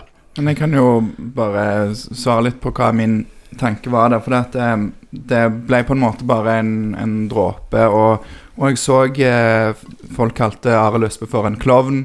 Eh, noen ba han om å legge opp. Dette var på Twitter. Um, og ganske sånn som du refererte til, eller var det du, Roar, i, i Bø sin blogg, eh, eller kampchat. Um, og eh, ja, jeg er helt enig i at det, skal, på stadion skal det på en måte være en dynamikk som at du reagerer på ting. sant? Og hva du roper på stadion, eh, Rune, det skal ikke jeg legge meg opp i, og det er ikke det det handler om heller. Men, eh, men det er liksom de ordene en bruker, da, de har jo en effekt uansett om de eh, blir sagt hjemme på kjøkkenbordet, eller om du legger det på Twitter. For det, det er jo På sosiale medier så har du unger som gjerne ser opp til, til de voksne, og, eh, og plukke opp at disse ordene er greit å bruke hvis noen gjør noe vi ikke syns er godt nok for, for hva vi forventer. Uh, og jeg klarer ikke helt å se heller hvor jeg um, blander inn Alexandra-saken annet enn det budskapet som sto nederst på Tifon. Nei, men, men, men, men det som, som vi opplevde uh, i den saken, da, det var at For vi ønska her å vise vår uforbeholdne støtte til Alexandra. Mm. Det var det vi gjorde der. Så er det klart, vi har òg folk som trør over streken. Vi hadde det mot Bodø-Glimt. Roar har jobbet steintøft og gjort en utrolig bra jobb i en som, en rasismesak vi fikk på feltet. Eh, sånne ting er ting som vi slår ned på. Ikke sant? Mm. Eh, men poenget mitt med hele greia, og eh, det at jeg var òg forbanna i, både på i sosiale medier og på, på vår egen podkast på dette, det er det at at eh, en spiller kan ikke bare Det er ikke bare å spille for Du, du, du er toppidrettsutøver. Når du fucker det til, så ødelegger du uka for forferdelig mye mennesker. At folk har en reaksjon, da, enten i sosiale medier eller på stadion, eller hvor det er henne, så, så, så, er det ikke sånn at du bare kan komme til et felt eller på en stadion og få hyllest hele veien. Det er en del av dynamikken av det å være toppidrettsutøver. Og det er òg en del av dynamikken faktisk til en viss grad i arbeidslivet. Du får både kritikk, og du får Så er det klart noe av kritikken kan være for harde og sånn, men, men jeg, jeg syns på en måte det å sammenblande eh, de forskjellige budskapene blir feil. Det er, der, det er det jeg reagerer på at folk gjør. Eh, så, for jeg syns at uh, Alexandras sak er så viktig at den må få lov å leve på sin side. Og så vil vi fortsatt leve med at det er kritikk og hets og den type ting, som alle egentlig tror jeg er enige i en uting. Og som du sier òg, ungene våre skal læres opp i, i å være korrekte med andre. Men jeg tror problemet starter helt andre plasser enn på Twitter om at Arild Østbø er litt uh, slepphendte, eller ganske slepphendte. eh, men, men, det er jo det jeg reagerer på òg, Rune. At det er, altså, det er, jo, det er jo sportslige prestasjoner eh, på, på, dette tidspunktet da du var ute og tvitra, for da hadde ikke det vært noe sak i Aftenbladet. Jo, jo. jo det var den om at han Uh, han ikke mente at det skulle være noe keeperbytte inn mot Stabæk-kampen. Ja, ok, så, mm. så, noe av det kunne ha kommet som en reaksjon på den uh, på artikkelen òg. Mm. Ja, ja det, var, det, var ikke de kommentarene jeg reagerte på.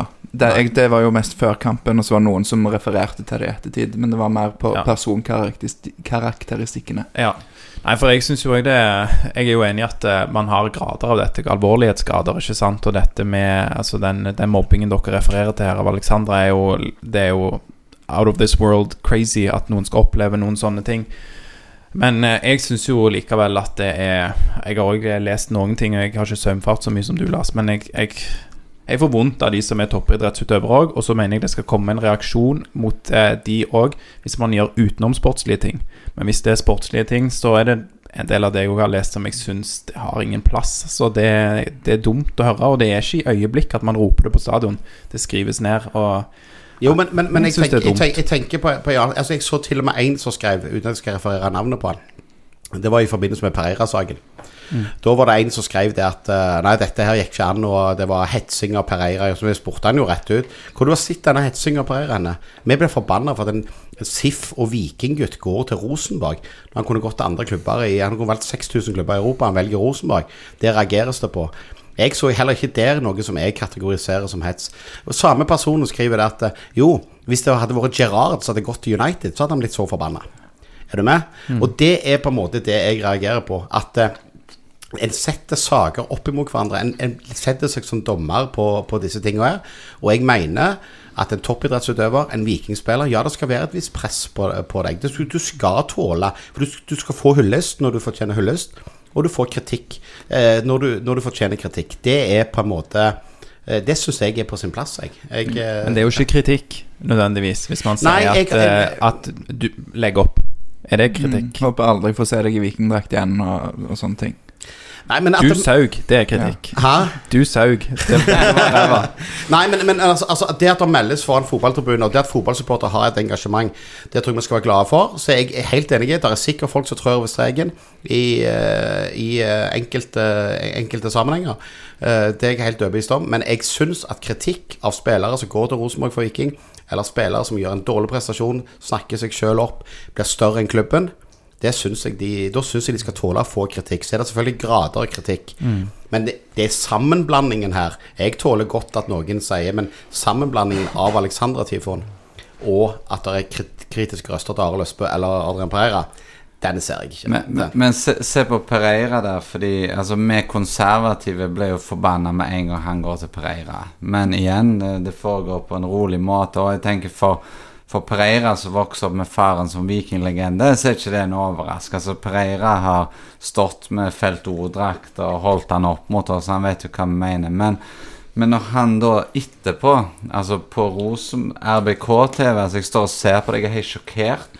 Altså uten at journalisten hinter over hodet. Så liksom, Viking-supporterne må bare ta inn over seg at Rosenborg er en klar større klubb. Når vi slår de der jævlene to ganger på rad, så er det klart vi koser oss gløgg i hjel. Og, og så er det sånn, vi lagde jo en banner sånn Når skal dere forstå? Eh, noen trodde jo det var mot Pereira, men egentlig så var det jo mest til Sebastian Sebulonsen, Harald Nilsen Tangen, Henrik Heggheim, eh, Simen Kvia Egeskog og alle de som kommer etterpå. Altså, ikke gå til Rosenborg igjen, fordi dere vet at vi kommer til å bli like forbanna neste gang. Kan jeg bare avslutte den der mobbe, mobbetråden med at, eh, at um, uh, Som jeg òg skrev i tråden, så syns jeg det er en helt fantastisk TIFO. Eh, Alexander-saken til sides, så brukte jeg oppfordringen deres til slutt, som var Dere hadde skrevet 'Er du en mobber? Skjerp deg'. Um, og så skrev jeg da jeg kan, bare, kan jeg bare lese avslutningen på det jeg skrev, og så kan dere høre om, om Hvis du tar tifoen ut av det, om, du, om dere sy syns det er et poeng. Uh, for etter mitt syn så er det beste og enkleste hermetegn vi kan gjøre for å forebygge mobbing, er å tenke på hvordan vi snakker om folk. Barn og unge plukker opp og får med seg mer enn vi tror. Derfor vil jeg avslutte med å ta til meg sitatet fra felt 2 og oppfordre alle andre til å gjøre det samme. Er jeg en mobber? Skjerpings. Det tror jeg alle er helt enig i. Altså Er du en mobber, så skjerper du deg. Jeg, men jeg syns det er forskjell på 11 års gamle og 10 års gamle Charlotte eller Eivind på Augland skole enn det er på Are Løsbø på, på 30 år, eller, eh, eller eh, Adrian Pereira som står og, og som Stavanger-gutt og snakker som han gjør der oppe, eller i saker vi kommer til å få. Vi hadde det med Delanley. Vi hadde det Altså, der er forskjell på det. eh, og det, jeg syns det er forskjell av grader i det. Men budskapet er vi helt enige i. Iallfall jeg er helt enig. Det, det er godt. Kan jeg også, Dette står ikke i kjøreplanen, men kan jeg bare følge den bitte litt opp videre i en annen kontekst for det? Eh, og dette er en ting som jeg har snakket med noen andre òg om, og, og har lurt litt på. For at det er sånn som mot eh, Rosenborg, så roper dere jo eh, innimellom 'hate, hate, hate RBK'. Em, og em, så lurer jeg på Er det Er det hva er grunnen til at dere bruker energi på stadion til å rope det? For det at sånn, etter mitt syn, så i beste fall så bryr ikke noen seg om det. Eh, jeg tror ikke det er oppbildende vikingspillerne, så ærlige må jeg være. Jeg tror ikke det eh, trykker ned Rosenborg-spillerne. Jeg tror de bryr seg midt bak, for å være helt ærlige. Og eh, i, i verste fall så oppildner det jo noen eh, Vi, vi har det jo fra en, eh, en supporter på feltet. Hun traff jo Sebastian Sebulonsen på stadion her en dag. Og han sa at når han var på U21-samling Altså Han var jo med tre Rosenborg-gutter rett etter vi slo de i serien. Eh, og de hadde jo blitt helt sjokkert over denne hatske stemningen som var på SR Bank Arena, og hadde rett ut sagt at uh, det prega de. Åge Hareid sa jo sjøl at uh, vet du hva, det å tape i Stavanger, det var Altså, vi, vi tror Men der er jo vi løgne igjen. Eh, vi tror jo faktisk at sånne ting faktisk kan psyke ut motstanderen. Og, og vi hater jo Rosenborg, altså det er jo ikke noe Men, men igjen, altså Når 14-åringen min står og hører faren brøle det Altså, han vet utmerket godt hva fotball hater, og Ja, og det her er du ikke Og- noe person. og, og hvis du snakker drit om at du hater naboen altså Det er to forskjellige ting. Og, og det er laget. Men, men, men så er det jo sånn eh, Løkberg eh, han, eh, han har jo vært veldig tydelig på at F.eks. når han spilte på stadion for Brann mot oss Det var jo påskeegg og baller som føyk inn, og hater Bergen og hater Brann. Altså, han digga det jo, sjøl om han spilte på Brann den kampen der.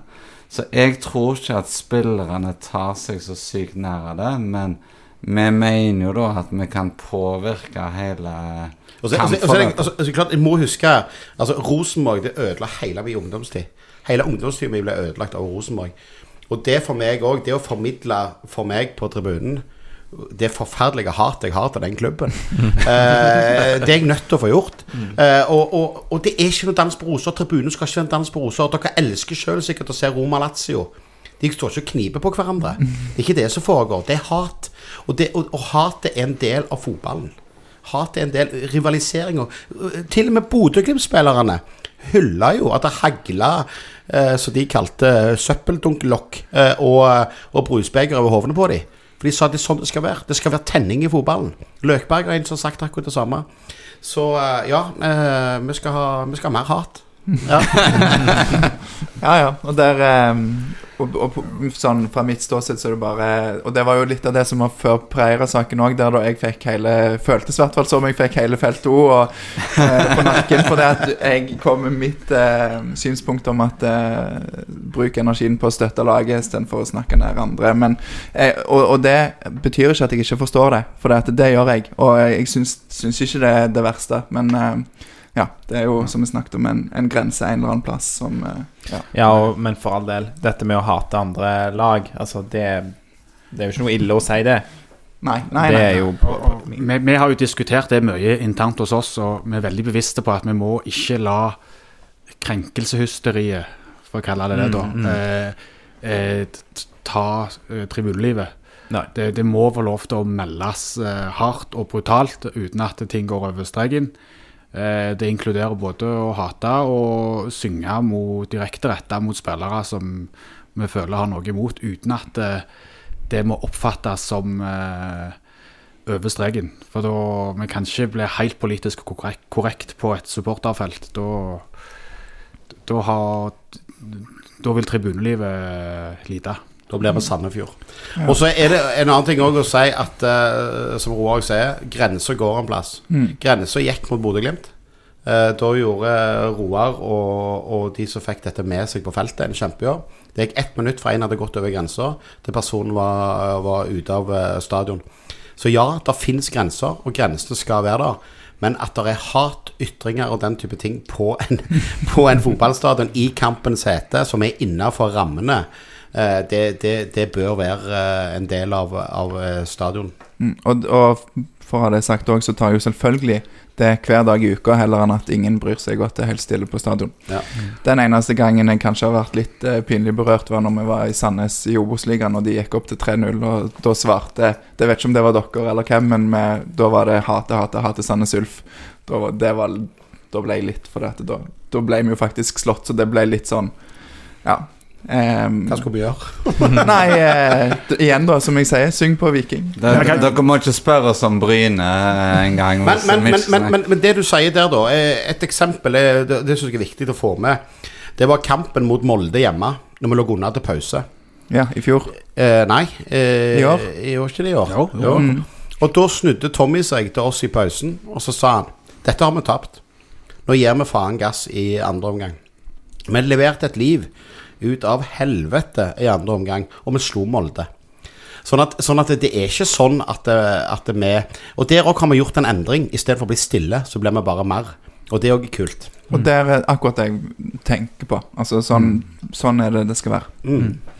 Vi tar litt andre spørsmål her. eh, Nå er det Blir det seint på kveld, men så vi kan prøve å ta noen av de raskt her. Men eh, um, Kjelladin, han heter at Kjell Pell Morell på Twitter. Han spør vurderer feltet å stille mannsterke når damelaget har hjemmekamp, f.eks. mot Bryne 16.10. Eh, Det er jo en Da er du inne på noe som vi får en hel del spørsmål om, og en del eh, ganske klare meninger på. Eh, eh, nå vet jeg at akkurat den kampen der er vel den kampen som krasjer med borte mot Godset.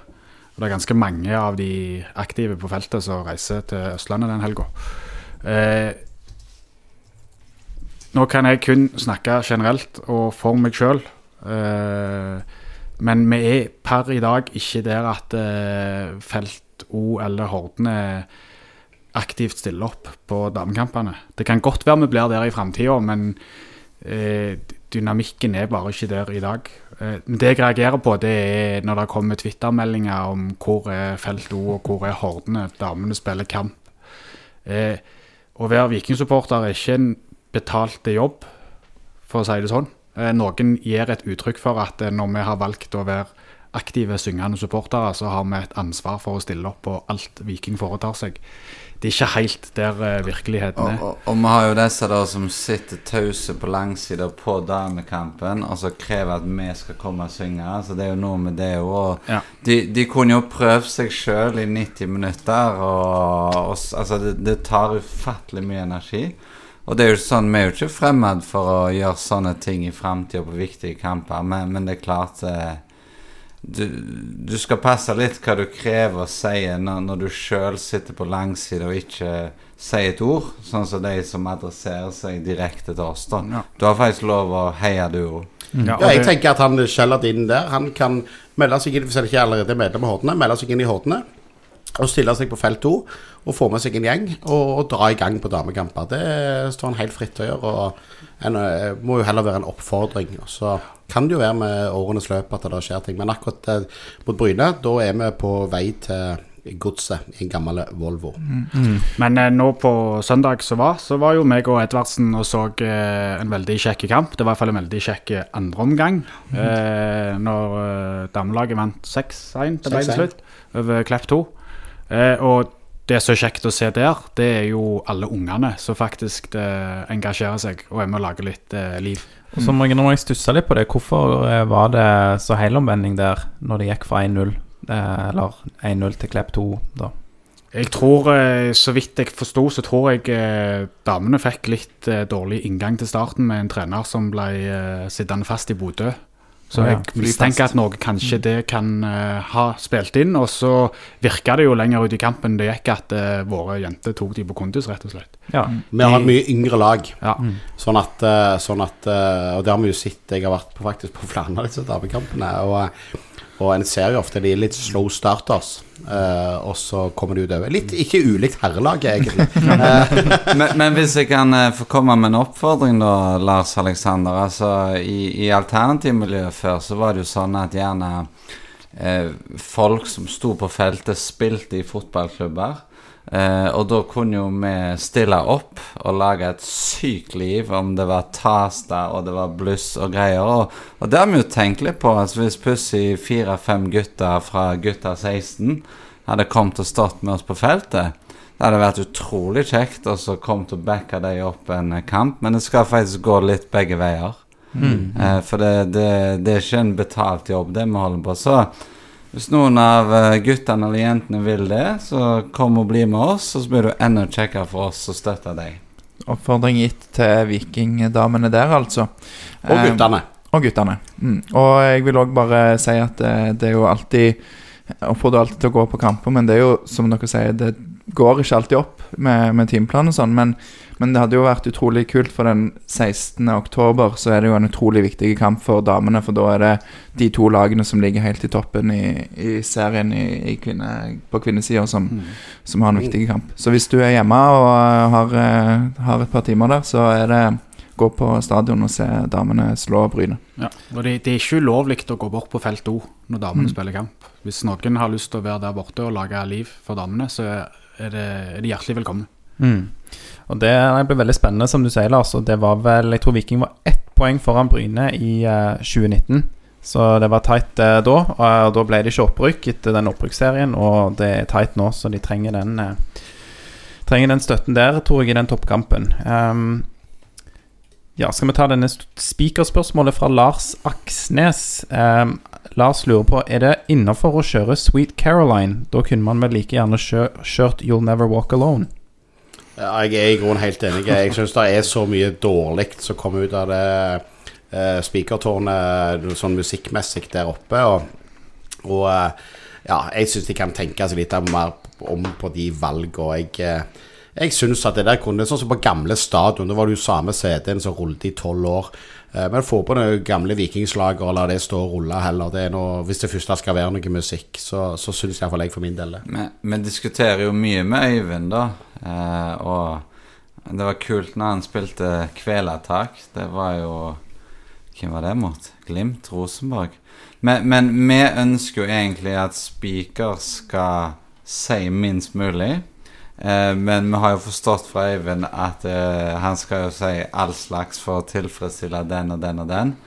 Uh, men, men det jo har jo vært altså Vi har jo diskutert dette fram og tilbake i fire-fem år. Men uh, begynner de med You Never Walk Alone, så tror jeg vi tø- tømmer feltet og hele stadionet. Da altså. Da, da er det ferdig. Ja, nei, da er vel eh, Sweet Caroline eh, bedre enn eh, You'll Never Walk Alone. Eh, kan spikeren initiere til sang under kampen? Pleier det å skje?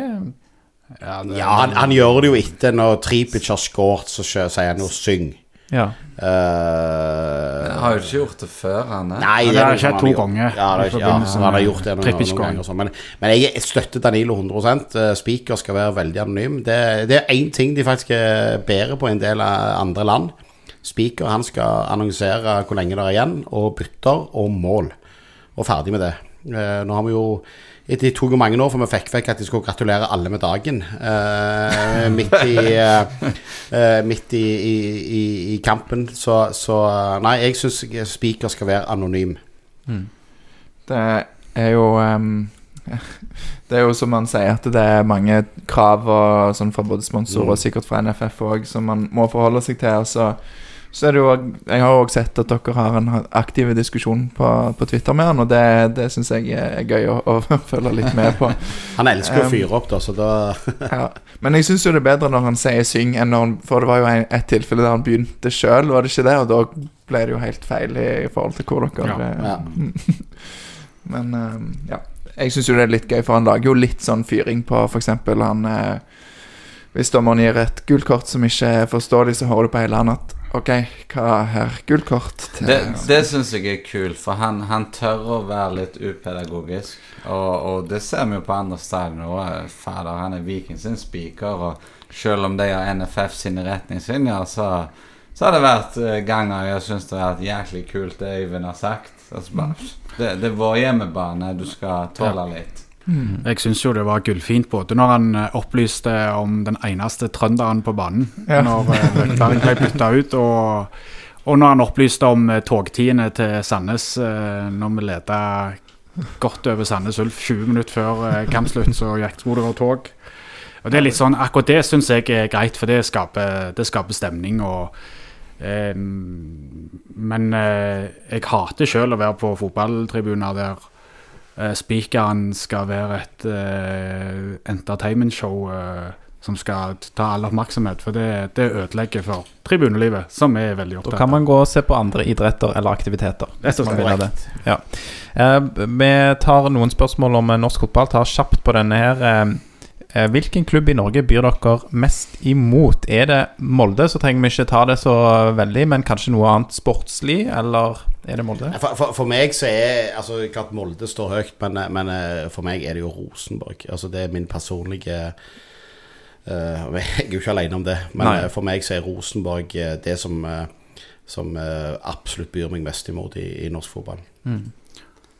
Ja, for min del så er det, er det Rosenborg og Brann. Eh, uten jeg egentlig har noen gode forklaringer på hvorfor, annet enn at uh, Rosenborg ødela jo mye ungdomstid òg, med liksom ny sesong og drømte om sølv. Mm. Uh, For gull visste vi var umulig. Og så er jeg jo litt for unge da, til å ha det der hatske forholdet til Bryne. Så, Ja. så nok veldig mange som er eldre enn meg, vil nok velge Bryne som hatklubb nummer én. Men jeg, er, jeg har ikke det forholdet til de annet enn at de var oppe i eliten i noen Ja, år. det er vel sammen eh, for de som er litt eldre, og så er det kanskje for de som er unge som Det er litt sånn enveis i dag, tror jeg. Ja, blant de og som så er yngre. det er jo fremdeles mange unge supportere fra Jæren. Og de òg har nok et større hatforhold til Bryne enn enn jeg har. Ja. For, for meg så er det jo Brann og Rosenborg. Brann har jo en sånn herlig selvdestruktivitet som de nettopp har vist, og de blir så sykt høye på seg sjøl, og de hater klubben sin og har lyst til å brenne opp stadion når det går gale, men eh, men Brann, du har jo vestlandsrivaliteten der, altså fra før FK Haugesund kom best i vest, og så eh, blir det ikke lei oss hvis uh, Brann rykker ned. Det er jo helt eh, grusomt at de har prestert å legge den eh, bortekampen mot Brann midt i ei uke. Det er forferdelig jobb. Ja, det, det er trist for norsk fotball, faktisk. Mm. Eh, kjapt eh, topp tre og bunn tre supportergrupper i Eliteserien. Ja, det, han er jo vanskelig, da. Men jeg, jeg, må, jo, jeg må jo si at jeg syns uh, på topp, i hvert fall hvis du skal se de siste par åra, så vil jo jeg nesten si Lillestrøm har vært uh, veldig bra, spesielt i år. Syns jeg Lillestrøm uh, de presterer fantastisk bra. Så, så Nei, på toppen der vil iallfall jeg legge de. Jeg, jeg, tror jeg har tenkt litt på den. Lillestrøm, Vålerenga, Rosenborg. Med kanskje Viking og Gods på en fjerdeplass. Brann har bare sunket nedover. Eh, det er nydelig. På bånn, eh, Sandefjord, de, de, er grusomme. Det, det, er sånn, det sånn hån for norsk fotball. Og så vil jeg sette de sammen med Molde og Sarpsborg. Klar tale. Ja, jeg, jeg, jeg, jeg ville jo dratt inn disse Kristiansund òg, jeg. Med, de med den forferdelige tromma. Og så etter de sto på Lerkendal og viste bilder av Odd Iversen når de var på bortetur på Lerkendal, så, også, så ligger de langt det, nede. Altså, det, det som er så gale med Molde, altså de har jo fått så utrolig mye hjelp av sportslig suksess. Eh, og allikevel er de så ræva, som vi så. Altså 20 mann fra Stavanger i helga sang ut Tornekrattet.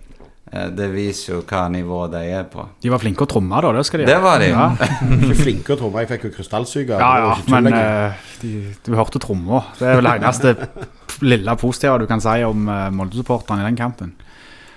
Ellers er jeg helt enig med det som blir sagt her. Uh, og det, det er jo naturlig at de største klubbene har uh, størst supporterskare, men uh, eh, det der jobbes mye bra i mange klubber i Norge. Men det er mange supporterklubber som har en vei å gå. Uh, og spesielt på gjennomsnittsalder. Og Det er en utfordring både i norsk supportermiljø og i europeisk supportermiljø. Jeg sitter jo i styret i NSA uh, og de internasjonale er supporterorganisasjonene. Stemmer. Ja. Og de europeiske supporterunionene er òg veldig bevisste på dette med snittalder. Det som det ble sto i et eller annet skriv vi nettopp fikk, at eh, de som står i bar overkropp nede på Balkan, er de samme som sto der for 20 år siden. Og de får ikke med nye. Eh, og det er, det er en utfordring som vi må ta inn over oss i, i norsk supportermiljø òg. selv om vi er både heldige og flinke i Stavanger, så er det det å få med ungdommen, det er viktig. Et uh, siste spørsmål i denne kategorien. Hvor blir dere behandla best når dere reiser rundt uh, til andre arenaer? Nå har vi jo sagt kanskje hvor dere blir behandla verst. Molde. Best. Ja, Vi har vel egentlig aldri opplevd noen utfordringer i Molde. sånn... uh, nå har ikke vi hatt noen kjempemye folk som har vært der oppe etter de har dreid seg ut de siste åra. Jeg syns generelt, når vi kommer rundt, så, så blir vi behandla ganske greit. Eh, det jeg reagerer mest på, det er billettpris på bortefelt. Det er altfor høyt. Og NSA har jo et eh, manifest som sier at eh, bortefeltet skal ha altså billettene skal koste det samme som de billigste billettene på, på, til hjemmesupporterne. Og Der er det mange klubber som har mye å gå. Det har jeg diskutert med Viking òg, at de må få ned prisene på, på bortefeltet. For du, du kjører tolv timer i bil for å se en fotballkamp, skal betale 250 kroner for å komme inn. Det, det er ikke bortefeltet som skal generere billettinntektene til, til klubben. Og, og så vil jeg faktisk si at den der vi er blitt behandla dårligst, det er jo egentlig min hjemby Haugesund. Altså, det har vi opplevd flere år på rad, fordi eh, det er ingenting mellom oss og FKH-supporterne overhodet. Det har aldri skjedd noe som helst. Men eh, de behandler oss jo som kriminelle fra vi går av kystbussen. Eh, og, og det er nesten sjokkerende. Så nå har det jo skjedd kanskje fire-fem ganger. Så der går det jo rett og slett på at de de, de, de, de er litt på det nivået som Viking som klubb var. Eh, sånn type 2013-2014. Fordi altså FKH-supporterne er jo sjøl sjokkert over hvordan de behandler Viking når de kommer på besøk. Eh, så i Haugesund så er det eh, noe merkelig på den fronten der. 2019 var vel når vi kom med båt opp, så ble vi møtt av eh, 18 politier og tre politihunder på kaien. Vi skulle liksom rette båten inn på en pub. Og det er sånn, når vi prøver å snakke med dem, så Nei, vi er styrt ovenfra. Viking kommer, da er det alle mann til dekk. Og de hadde leid inn folk fra politiet i Sandnes. Og, eh, og det er klubben, eh, altså Haugesund, eh, er helt med på at eh, nå kommer de kriminelle fra Stavanger, så nå må alle mann på dekk. Det forstår vi ikke helt eh, hvor kommer vi fra, for eh, eh, Selvfølgelig så er det et nabooppgjør, men eh, det er ikke noe hatoppgjør på noen måte. Så Og det er, ikke, det er ikke bare vi som ble behandla dårlig i, eh, i Haugesund. Strømsgodset var der for eh, tre år siden hvor en supporter faktisk datt gjennom tribunen for han var så jævla råtten. Eh, og supporteren ble da kasta ut for at han hadde hoppet på tribunen. Ikke sant? Altså, eh, og og eh, så det, er mange som opplever problemer i Haugesund. Og det og så er det engang sånn, Vi er fotballsupportere, vi er ikke kriminelle. Vi er familiefedre. Vi er eh, alt annet enn kriminelle mennesker. Vi ønsker ikke å gjøre noe galt der vi, der vi kommer. Og da syns vi skal bli behandla med respekt eh, både av myndigheter og klubbene vi kommer til. Så, så var Obos-sesongen det var jo veldig kjekt å være bortesupporter på. da. Ikke at vi trenger å gjøre det igjen, men eh, det var en kjekk opplevelse. og Så han kom inn på fotballpub i Jessheim når vi skulle møte Ullskisa. Der satt der to stykk fra, eh, fra hjemmelaget. Reiste seg opp og sa 'endelig tar vi en fotballpub på Jessheim'. For Det var liksom første gang de hadde hatt besøk av bortelag. og eh, Ja, det helt annen holdning på sikkerhet og sånne ting. Det er hyggelige folk møtte vi rundt forbi Obos-ligaen. I Førde var det vel én overivrig vakt som skulle hive ut noen fra bortefeltet for de spurte linjedommerne om han var blind eller et eller annet sånt. Det var ikke greit der oppe. Da, en gang til så var det rett ut. Men uh, Til og med vi i Vikingpodden syns at det er helt greit. ja, ja. Så, um, jeg kan bare ta uh, Vi må jo avslutte snart. eh, Dere må si hvis dere må, må gå hjem. Jeg kjører noen spørsmål til her, for det er noen ting jeg vil uh, høre litt. Dette er jo til spørsmål til dere som handler om oss. Hva kan vi i Vikingpodden gjøre mer eller mindre av? Jeg syns iallfall dere kan eh, ha mindre fellespodkaster med trøndere. Eh, det det, det syns jeg. Jeg tenker Vi går ikke til sengs med fienden. Det var vel være det. jeg, jeg, jeg savner jo et, et mer kritisk blikk på klubben. Fordi jeg tror at eh, det kan hjelpe klubben å vokse. Jeg tenker dere er glad i Viking, og det blir ofte misforstått. Altså, ofte så er det sånn at de som er mest glad i krise Og noen ganger når vi hører på dere, så er dere litt for forsiktige. Så vi savner gjerne at dere fyrer løs når ting ikke er bra. Og så tenker jeg det skal klubben tåle. Og, og i verste fall så I beste fall så blir klubben bedre av det. Så på en måte Vi, vi fyrer jo løs. Vi har jo Rune Edvardsen i vår pod, men, men jeg tenker Viking vet at vi mener godt, og, og de vokser på å bli utfordra. Så det, det er mitt råd til dere. Det er jo lytterspørsmål her fra Eller lytterspørsmål eh, Jeg håper han lytter av og til, i hvert fall. Eh, eh, Tommy Nærland har spurt et spørsmål på Twitter her, altså litt i samme ånd som du sier, Danilo. da Så tør dere, altså Vikingpodden, si noe kritisk om til klubben, eller kommer dere alltid til å kjøre på med hallelujastemningen deres? Jeg må innrømme at altså Tenker du, Danilo Jeg vet jo ikke hva Tommy legger i dette spørsmålet, men tenker du da mer sånn på, på prestasjoner på banen? Er det mest det det går i, eller er det forskjellige ting? Nei, det, det går egentlig litt altså begge deler. Men eh, når en spiller har vært ræva, så bare gi han en toer og si 'vet du hva, skjerp deg'.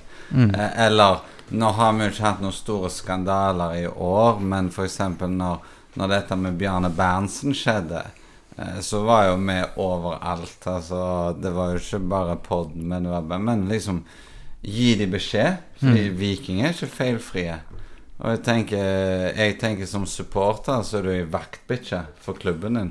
For vi er glad i klubben, og da skal vi tørre å melde litt. Det er jo noen eh, trenger ikke snakke om, eh, om Bjarne Berntsen-saken, men det er jo klart at det er ting som, som vil komme opp som eh, er kritikkverdige. Og, og eh, jeg tenker Altså, vår, vårt mål med podkasten er å skape engasjement og en positivitet rundt Viking, og at folk skal gjerne få lyst til å gå på stadion. Og jeg vet ikke, men jeg tror kanskje ikke at hvis vi sitter og slakter alle spillerne hele veien vi, Det gjør vi jo aldri, men hvis vi gjør det, så er det ikke sånn at da får folk mer lyst til å gå på stadion. Men hvis det skjer ting som, som er kritikkverdige, så vil vi jo ta det opp, men òg kanskje at vi tar det direkte med klubben.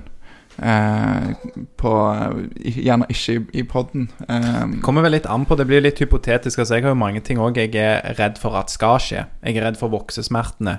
Ikke sant? Altså, nå har vi vært Ja, ja. nede. Ja.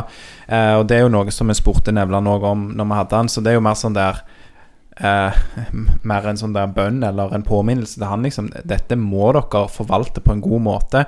Og så er jeg jo enig med deg, Lars. Altså, vi skal prøve å være kritiske når det er vår tid til å være kritiske. Og så må vi jo òg si at vi er jo en forholdsvis ung podkast. Og f.eks. med Bjarne Berntsen så har ikke jeg følt at jeg har hatt nok følere inne i klubben til å ha et bilde til å kunne gi kritikk som treffer. Som jeg vet at treffer, hvis dere ser den. Rett og slett Ja, litt men, men, jeg, men jeg, tror, jeg, jeg tror på en måte på sånne aktuelle saker Jeg tror det er veldig viktig at vi Det er litt samme diskusjon vi hadde med Viking Oslo. Mm. I forbindelse med f.eks. Qatar-saken. Der hadde jo du et, et, et, eh, i poden her et innlegg om Qatar. Mm. Hvor dere òg tok et standpunkt i forhold til Qatar, noe som er veldig bra.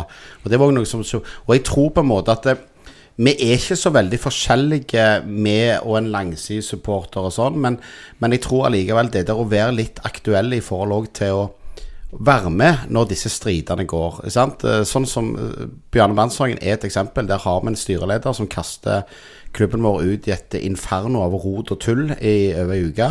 Så kan vi sikkert diskutere hvem som var galen, eh, galnest i denne saken, og det var masse som kom til ettertid, som alle vet, og sånn. Men jeg tror det er veldig viktig på en måte at eh, Eh, Iallfall vi tenker sånn at det å ha Vi elsker Viking over alt, altså det, det, det, uten tvil. Men det allikevel å kunne ha det der kritiske blikket, det å være livredd at de skal få 30 millioner kroner å bruke det, det, For det, det er kjempeskummelt. Så- og så tror jeg det der å ha den rollen er òg en supporters privilegium, faktisk. Så det Ja. Nei, men vi, vi skal ta den oppfordringen, og så skal vi bli, eh, bli bedre eh, på det. På å gi beskjed. når Vi, da? Vi da? Hva må vi endre oss på? um, ja Det var ny mikrofon, var ikke det vi snakket om før? Eh, Teknikken vår er ræva. Det, det er ikke tvil om. Ja, det er jo helt sånn sjokkerende hvordan innspilling av en podkast faktisk fungerer. Det er ikke sånn det har vært når jeg har vært hos dere. Nå, nå har du vært på besøk hos en podkast. Ja. Det har du ikke vært hos Nei, oss. hos oss dere så er vi jo bare en gjeng kompiser som sitter og radler i en halvannen time. Men jeg kan i hvert fall si en ting som jeg eh, gjerne ser at eh, dere blir eh, bedre på. Eh, bare send oss direktemeldinger, for vi trør feil noen ganger. Og jeg er jo sånn Jeg er ikke noe glad i Twitter og Instagram, og har jo begynt å bruke det pga. podkasten. Og så får jeg litt sånn der bakoversveis eh, pga. eh, sjargongen. Eh, og så skjønner jeg kanskje etter hvert, når jeg blir litt varm og, og ser hva det, hva det går i, da, at man snakker litt i store bokstaver av og til, og, eh, og at det er sånn det er. Men eh, vi kommer til å trå feil igjen. Send oss, Jo, men, men send jeg, oss tror, jeg, jeg, jeg, tror, jeg tror på en måte det handler Altså, fotball er følelser, sant? Uh, Pereira-saken er følelser. Og det er Mm. klart, når Lars legger ut den tweeten han gjør, sant? så Mm. er det klart at det, da vil det bli reaksjoner. Da sitter folk rundt omkring, ikke bare på felt 2, men masse Mm. andre folk òg, og blir forbanna. Og da er det sånn at det, da blir det meldt. Ikke sant? Og det er jo Jeg tror alle som er til stede, og det er jo litt tilbake til det vi snakket om tidligere, at sosiale medier er litt sånn Ja. at du, du får litt det du melder, ikke sant? Eh, og den, jeg må bare si det er jeg helt enig i. Når vi melder ting på sosiale medier, eh, eller enkelte hos oss, for å kaste noen under bussen, eh, så må vi forvente å få, få ting tilbake. Men jeg syns jo det er bra at det meldes, da. Ja, jeg syns det er bra at det meldes, og, og alle med Altså både øh, Vi har jo en, hadde jo en, en innspilling om Qatar-saken hvor Roar sa det veldig godt. Han sa vi er ikke advokater, vi er ikke jurister, vi er ikke folk journalister. Vi er folk som, som er fotballsupportere. Vi trør feil. Eh, Det gjør vi alle, og det har vi alle gjort i sosiale medier. Og, og, og på Twitter og på Facebook og på Instagram, og det kommer til å fortsette å gjøre òg. Jeg tror ikke det er så farlig.